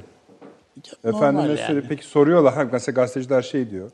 e, bir savaş bekliyor musunuz burada diyor. Türkiye, ABD, İsrail, Rusya var. Savaş olmaz burada diyor. Yani dört ülke ciddi Sana ülkelerdir havale diyor. ediyor canım. Yani bir Şii, Şii devleti kurmak Ha, istiyor. istihbarat Sünnileri ekipman gönderiyor. veri, vermek yani Türkiye'ye. Ya daha yeni bunlar şeyi iptal etmediler mi? İstihbarat paylaşımını. Tabii. Evet Zaten Amerikalılar bir şey alıyor muydu Ha, ayrı evet, konu da yok. yani. Ya da yeni verdikleri yeni iptal ettiler bir yani. halta yarıyor muydu ayrı konu da. Tabii. Ee, ABD'nin mü- müdahaleleri oluyor diyor. İşte o demin kastettiğiniz falan filan. Hasılı yani bir şeyler yapmaya gayret etseler de galiba bize çok samimi gelmiyor. Gelmediği gibi inandırıcı değil. Burada Yani tek hedefleri de- dediğim gibi yani öncelikle bu İranlı e, milislerin oluşturduğu bu yani sözde şeye, tugayları sadece Rusya'nın filan e, kulağına kar suyu kaçırır. İran'ı biraz ona Frenletebilir fren, fren böyle şey yapar. O kadar yanında. Yoksa bi- yine biz kendi göbeğimizi kendimiz Tabii, kesmek tabii, tabii. zorundayız yani. Başka bir şey yok. Belki işte böyle birkaç tane zaten daha evvel de söyledik Hatay'da e, şeyin bir Patriot sistemi var biliyorsun İspanya'nın getirdiği. Hatta 6 ay daha uzattılar bunu. Herhangi bir şekilde çekme niyetinde olmadıklarını İspanya deklare etti. Diğer ülkeler gibi hareket etmeyiz dedi. E, Burada Amerika Birleşik Devletleri'nin yapabileceği tek şey Türkiye yönelik bir harekatı işte NATO müttefiki gibi değerlendirerek bu Tugayları belki e, Truman savaş gemisinden açacağı füzelerle daha evvel yaptığı gibi tomahawklarla vurmaktır. Yapabileceği en önemli şey bu Şans olabilir. Hoca'ya da soralım bu Amerika meselesini. Yani mesele değil de hani bu davranışlarındaki heyecanı nasıl buluyorsunuz? Gayet şey gözüküyorlar. Aa, nasıl söyleyelim? Kucaklayıcı. Sempatikler yani. Buyurun Hoca. Ee, ben çok çok önemli buluyorum bu konuyu Nedret Bey ama e, umuyorum e, sabrınızı istismar etmek olmayacaktır ama bir önceki konuşmaya dair birkaç tane de aklımda Biraz kalan daraldı şey var. zamanımız. Yine söyleyin yani hocam. Ama hani olursa. zamana dikkat ederseniz sevinirim. Tabii ki, tabii ki. Ee, ya e, şu e, hani e, Dil Tarih Coğrafya Fakültesinden bahsetmiştik. Yani bu e, Türkiye'nin ihtiyaçları için oluşturulmuş, bölge uzmanlığı çerçevesinde oluşturulmuş, 1935'te kurulmuş bir yapı. E, zannediyorum şu an Türkiye'nin e, bu tarz e, akılcı yaklaşımlara ihtiyacı var. Siz de belirttiniz, ısrarla altını çizmek isterim ben de. Türkiye'nin aslında pek çok uzmanı var. Yani akademik anlamda uzmanı var. E, ama medeniyet dediğiniz şey tek kelimeyle teşkilatlanmaktır. Yani bu uzmanları nasıl kullanılıyor, nasıl değerlendiriliyor hem akademik yapılanma anlamında e, hem de e, devletin, özel sektörün ihtiyaçları çerçevesinde nasıl bir iletişim, nasıl bir teşkilat yapısı kurulur. Bizim derdimiz bu Türkiye'de. Yoksa e, insan kaynağı konusunda ki sıkıntıların çok büyük sıkıntılar olmadığı kanaatindeyim. Ben çok değerli uzmanlar var Yunanistan'a da, İsrail'e de dair, Rusya'ya da dair ama bunları değerlendirmek önemli. Orada ben şunu bir de son söz olarak şunu ekleyeyim. Bizim modernleşme tarihimizde iki tane model vardır. Biri hariciye modelidir, öbürü harbiye modelidir. Bu iki model üzerinden tüm kurumlarımız modernleştirilmiştir. Şimdi hariciyenin yapısına da baktığımız zaman biraz önce de söyledim gerçekten dünya standartlarının çok çok üstünde hariciye memurları var. Kendisini koruyabilen bir kurum oldu hariciye. Onun değerini bilelim derim. E, Harbiye aynı şekilde bir şekilde kendisini korudu. Yani 15 Temmuz gibi bir e, korkunç durumu başka bir ülke yaşasa e, şu an çok çok zor durumda olurdu. Hani o da Türk milletinin ferasetidir diye düşünüyorum. Ordusuna sahip çıkabildi. Dolayısıyla bu çerçevede bu iki kurumun birikimlerinin ve ihtiyaçlarının bir model olarak değerlendirilmesi akademik entelektüel anlamda da önemli olacaktır. Peki hocam. Çeşitli interdisipliner yaklaşımlarla bu iş çözülür diye düşünüyorum. Efendim Amerika meselesine de gelince tek önemli bir şey bence James Jeffrey konusu. James Jeffrey son derece etkili bir karakter Washington DC'de. Gerçekten hem kendi kişisel kariyeri itibariyle çok etkili çalıştığı kurumlar vesaire Amerika'daki networkler içerisindeki etkisi çerçevesinde ama ama bir de aması var. O aması aslında Obama döneminin yükselen karakterlerinden bir tanesidir. Dolayısıyla bazı şu anki pozisyonda Türk-Amerikan ilişkilerindeki şu anki pozisyonda bazı virajları alamayabilir zannediyorum. Hani bunun da dikkatle takip edilmesi gereken konulardan bir tanesinin olduğunu eklememiz gerekir diye düşünüyorum. Ama bu şerhe rağmen burada Amerika'nın ve Rusya'nın varlığı kaçınılmaz. Bu zaten tespit edilmiş bir durum. Türkiye bunların ikisinin arasında diplomatik manevra yapmaya çalışıyor. Programın ta en başında söylemeye çalıştığım şey de buydu. Bu diplomatik manevralar belirli güç yığılımlarını da gerektiriyor artık o güç yığılmalarının desteklediği e, diplomatik arayışlar içindeyken e, zannediyorum herkesin sorumluluk sahibi olması gerektiği dediğim husus buydu. E, ne olur unutmayalım yani bir hafta içerisinde 13 şehit verdik biz ülke olarak. E, bunun acısını yaşıyoruz. Verdiğimiz 13 şehidi aklımızda tutarak bunun sorumluluğu içerisinde e, diplomatik girişimlere ve e, orada bulunan askeri unsurlarımızın e, maneviyatına destek verecek çerçevede açıklamalarda bulunmanın e, ahalinin bilgilenme hakkından daha önemli olduğu kanaatindeyim ben. Bu hassasiyeti, bu dengeyi tutturmak gerek diye düşünüyorum. E, son sözlerde bunu söylemiş olayım. Peki teşekkür ederim Taşan Hocam. Avni abi. Hocam. Yani hocam sözlerine katılıyorum. Yani bizde hem yani hem medyadan tutun siyasetin muhtelif ağızlarına varana kadar hepsinde bir böyle hani bir şey öğrendik hani hemen mikrofonların karşısına geçmek, demeçler vermek falan. Bunlar daha itidalle bazı şeylerin yapılması gerektiğini düşünüyorum. Peki. Ve bu soğukkanlılıkta bir an evvel yani bu soğukkanlılığa mesela bir heyecanla kabardık değil mi? Libya biz Libya'yı unuttuk mesela. Hiç konuşmuyoruz. Ya bir hani bu gündemimizdi. Bir anda Hafter Sirte'yi ele geçirdi. Evet yani yani bakıyorsun e, anlaşma imzaladılar. Tamam bitti mi? Yani bitti mi? Ne oluyor? Ne bitiyor? Yani bir kendimize göre bir perakende gündemimiz var bizim. O heyecan dalgası atladığı anda sil gitsin oluyor filan yani. Ee, ben şöyle diyeyim yani burada e, olanları e, Avni Bey'in de söylediği gibi yani Suriye ve Irak'a bütüncül bir anlayış hatta bunu Lübnan'da dahil etmek lazım. e, çok ciddi bir şekilde buraya yönelik e, farklı politikalar. Yani bu Kerkük'teki saldırının sıradan bir saldırı. Yani elbette CIA'nin mutlaka haberi vardır. Bir maksatlıdır ama Trump'ın senatoda haklarının İran'a yönelik yetkilerin kısıtlandığı bir zaman diliminde yapılması son derece anlamlı olduğunu düşünüyorum. Çünkü şöyle bir şey, senatoda biliyorsunuz tersi durum vardı. Evet, evet. Evet. Yani Temsilciler Meclisi'nde yani kongrenin bütününde olursa nasıl olacak onu da bilmiyorum. Şöyle de sorayım paşam. Evet. Şimdi bugün Perşembe'deyiz. Geçen Perşembe başka bir dünya vardı. Salı bambaşka bir dünya vardı. Evet. Şimdi de öyle. Şimdi Salı'ya kadar ne olacak? Tabii yani bir kere Türkiye yönelik e, şunu söyleyeyim. E, Türkiye yeteri kadar güç doğu, e, yığdı bu bölgeye. Yani Türkiye'nin şu anda e, eli bu bölgede son derece güçlü. E, bu dış politika açısından ve devletin en üst kademesi açısından da Türkiye'nin kararlı ifade edildi. Bundan sonra gözlem noktalarına ve veya takviye eden unsurlarımıza yönelik bir önceki gibi iki saldırının yapılması halinde ben sadece bir hedef gözetmeksizin değil, bunun bir kara harekatıyla da gerçekleşeceğini düşünüyorum. E, Çünkü e, üçüncü yani e, tamamen e, bu gözlem noktalarıyla birleşmeyi sağlayacak ve gözlem noktalarının tam anlamıyla emniyetini lojistik ve sağlık açısından da sistemlerin akışını sağlayacak tam anlamıyla Sağ bir bölgenin ele geçirmesi. Yani çünkü biz Suriye'nin bütünlüğüne saygı gösterdiğimizi gösterdik ama e, buradaki bütün diğer unsurların hepsinin artık burada biz kalıcı olduğunu görüyoruz. E, dolayısıyla Türkiye buradan topraktan ziyade e, şu anda Türkiye burada var eden dediğimiz gibi yani 5 tane mutabakat herhalde bu bölgede en fazla mutabakat yapan bir ülke yani Adana mutabakatından Soçi'ye varana kadar. Herkesle mutabık olup herkesin mutabakatına Evet, uymadığı yani evet. böyle bir şey olmaz yani. Evet doğru. Peki. Avni abi çok teşekkür Çok ediyorum. teşekkür Taşan, ederim sağ olun. Taşans hocam çok teşekkür ediyorum. Ankara'da ayağınıza sağlık. Çok sağ mersi, olun. Sağ olunuz. Efendim Çok sağ olun efendim tekrarlayalım. ağırladınız. Teşekkür ederim. Eksik olmayınız. Ee, 2'de tekrar 02'de.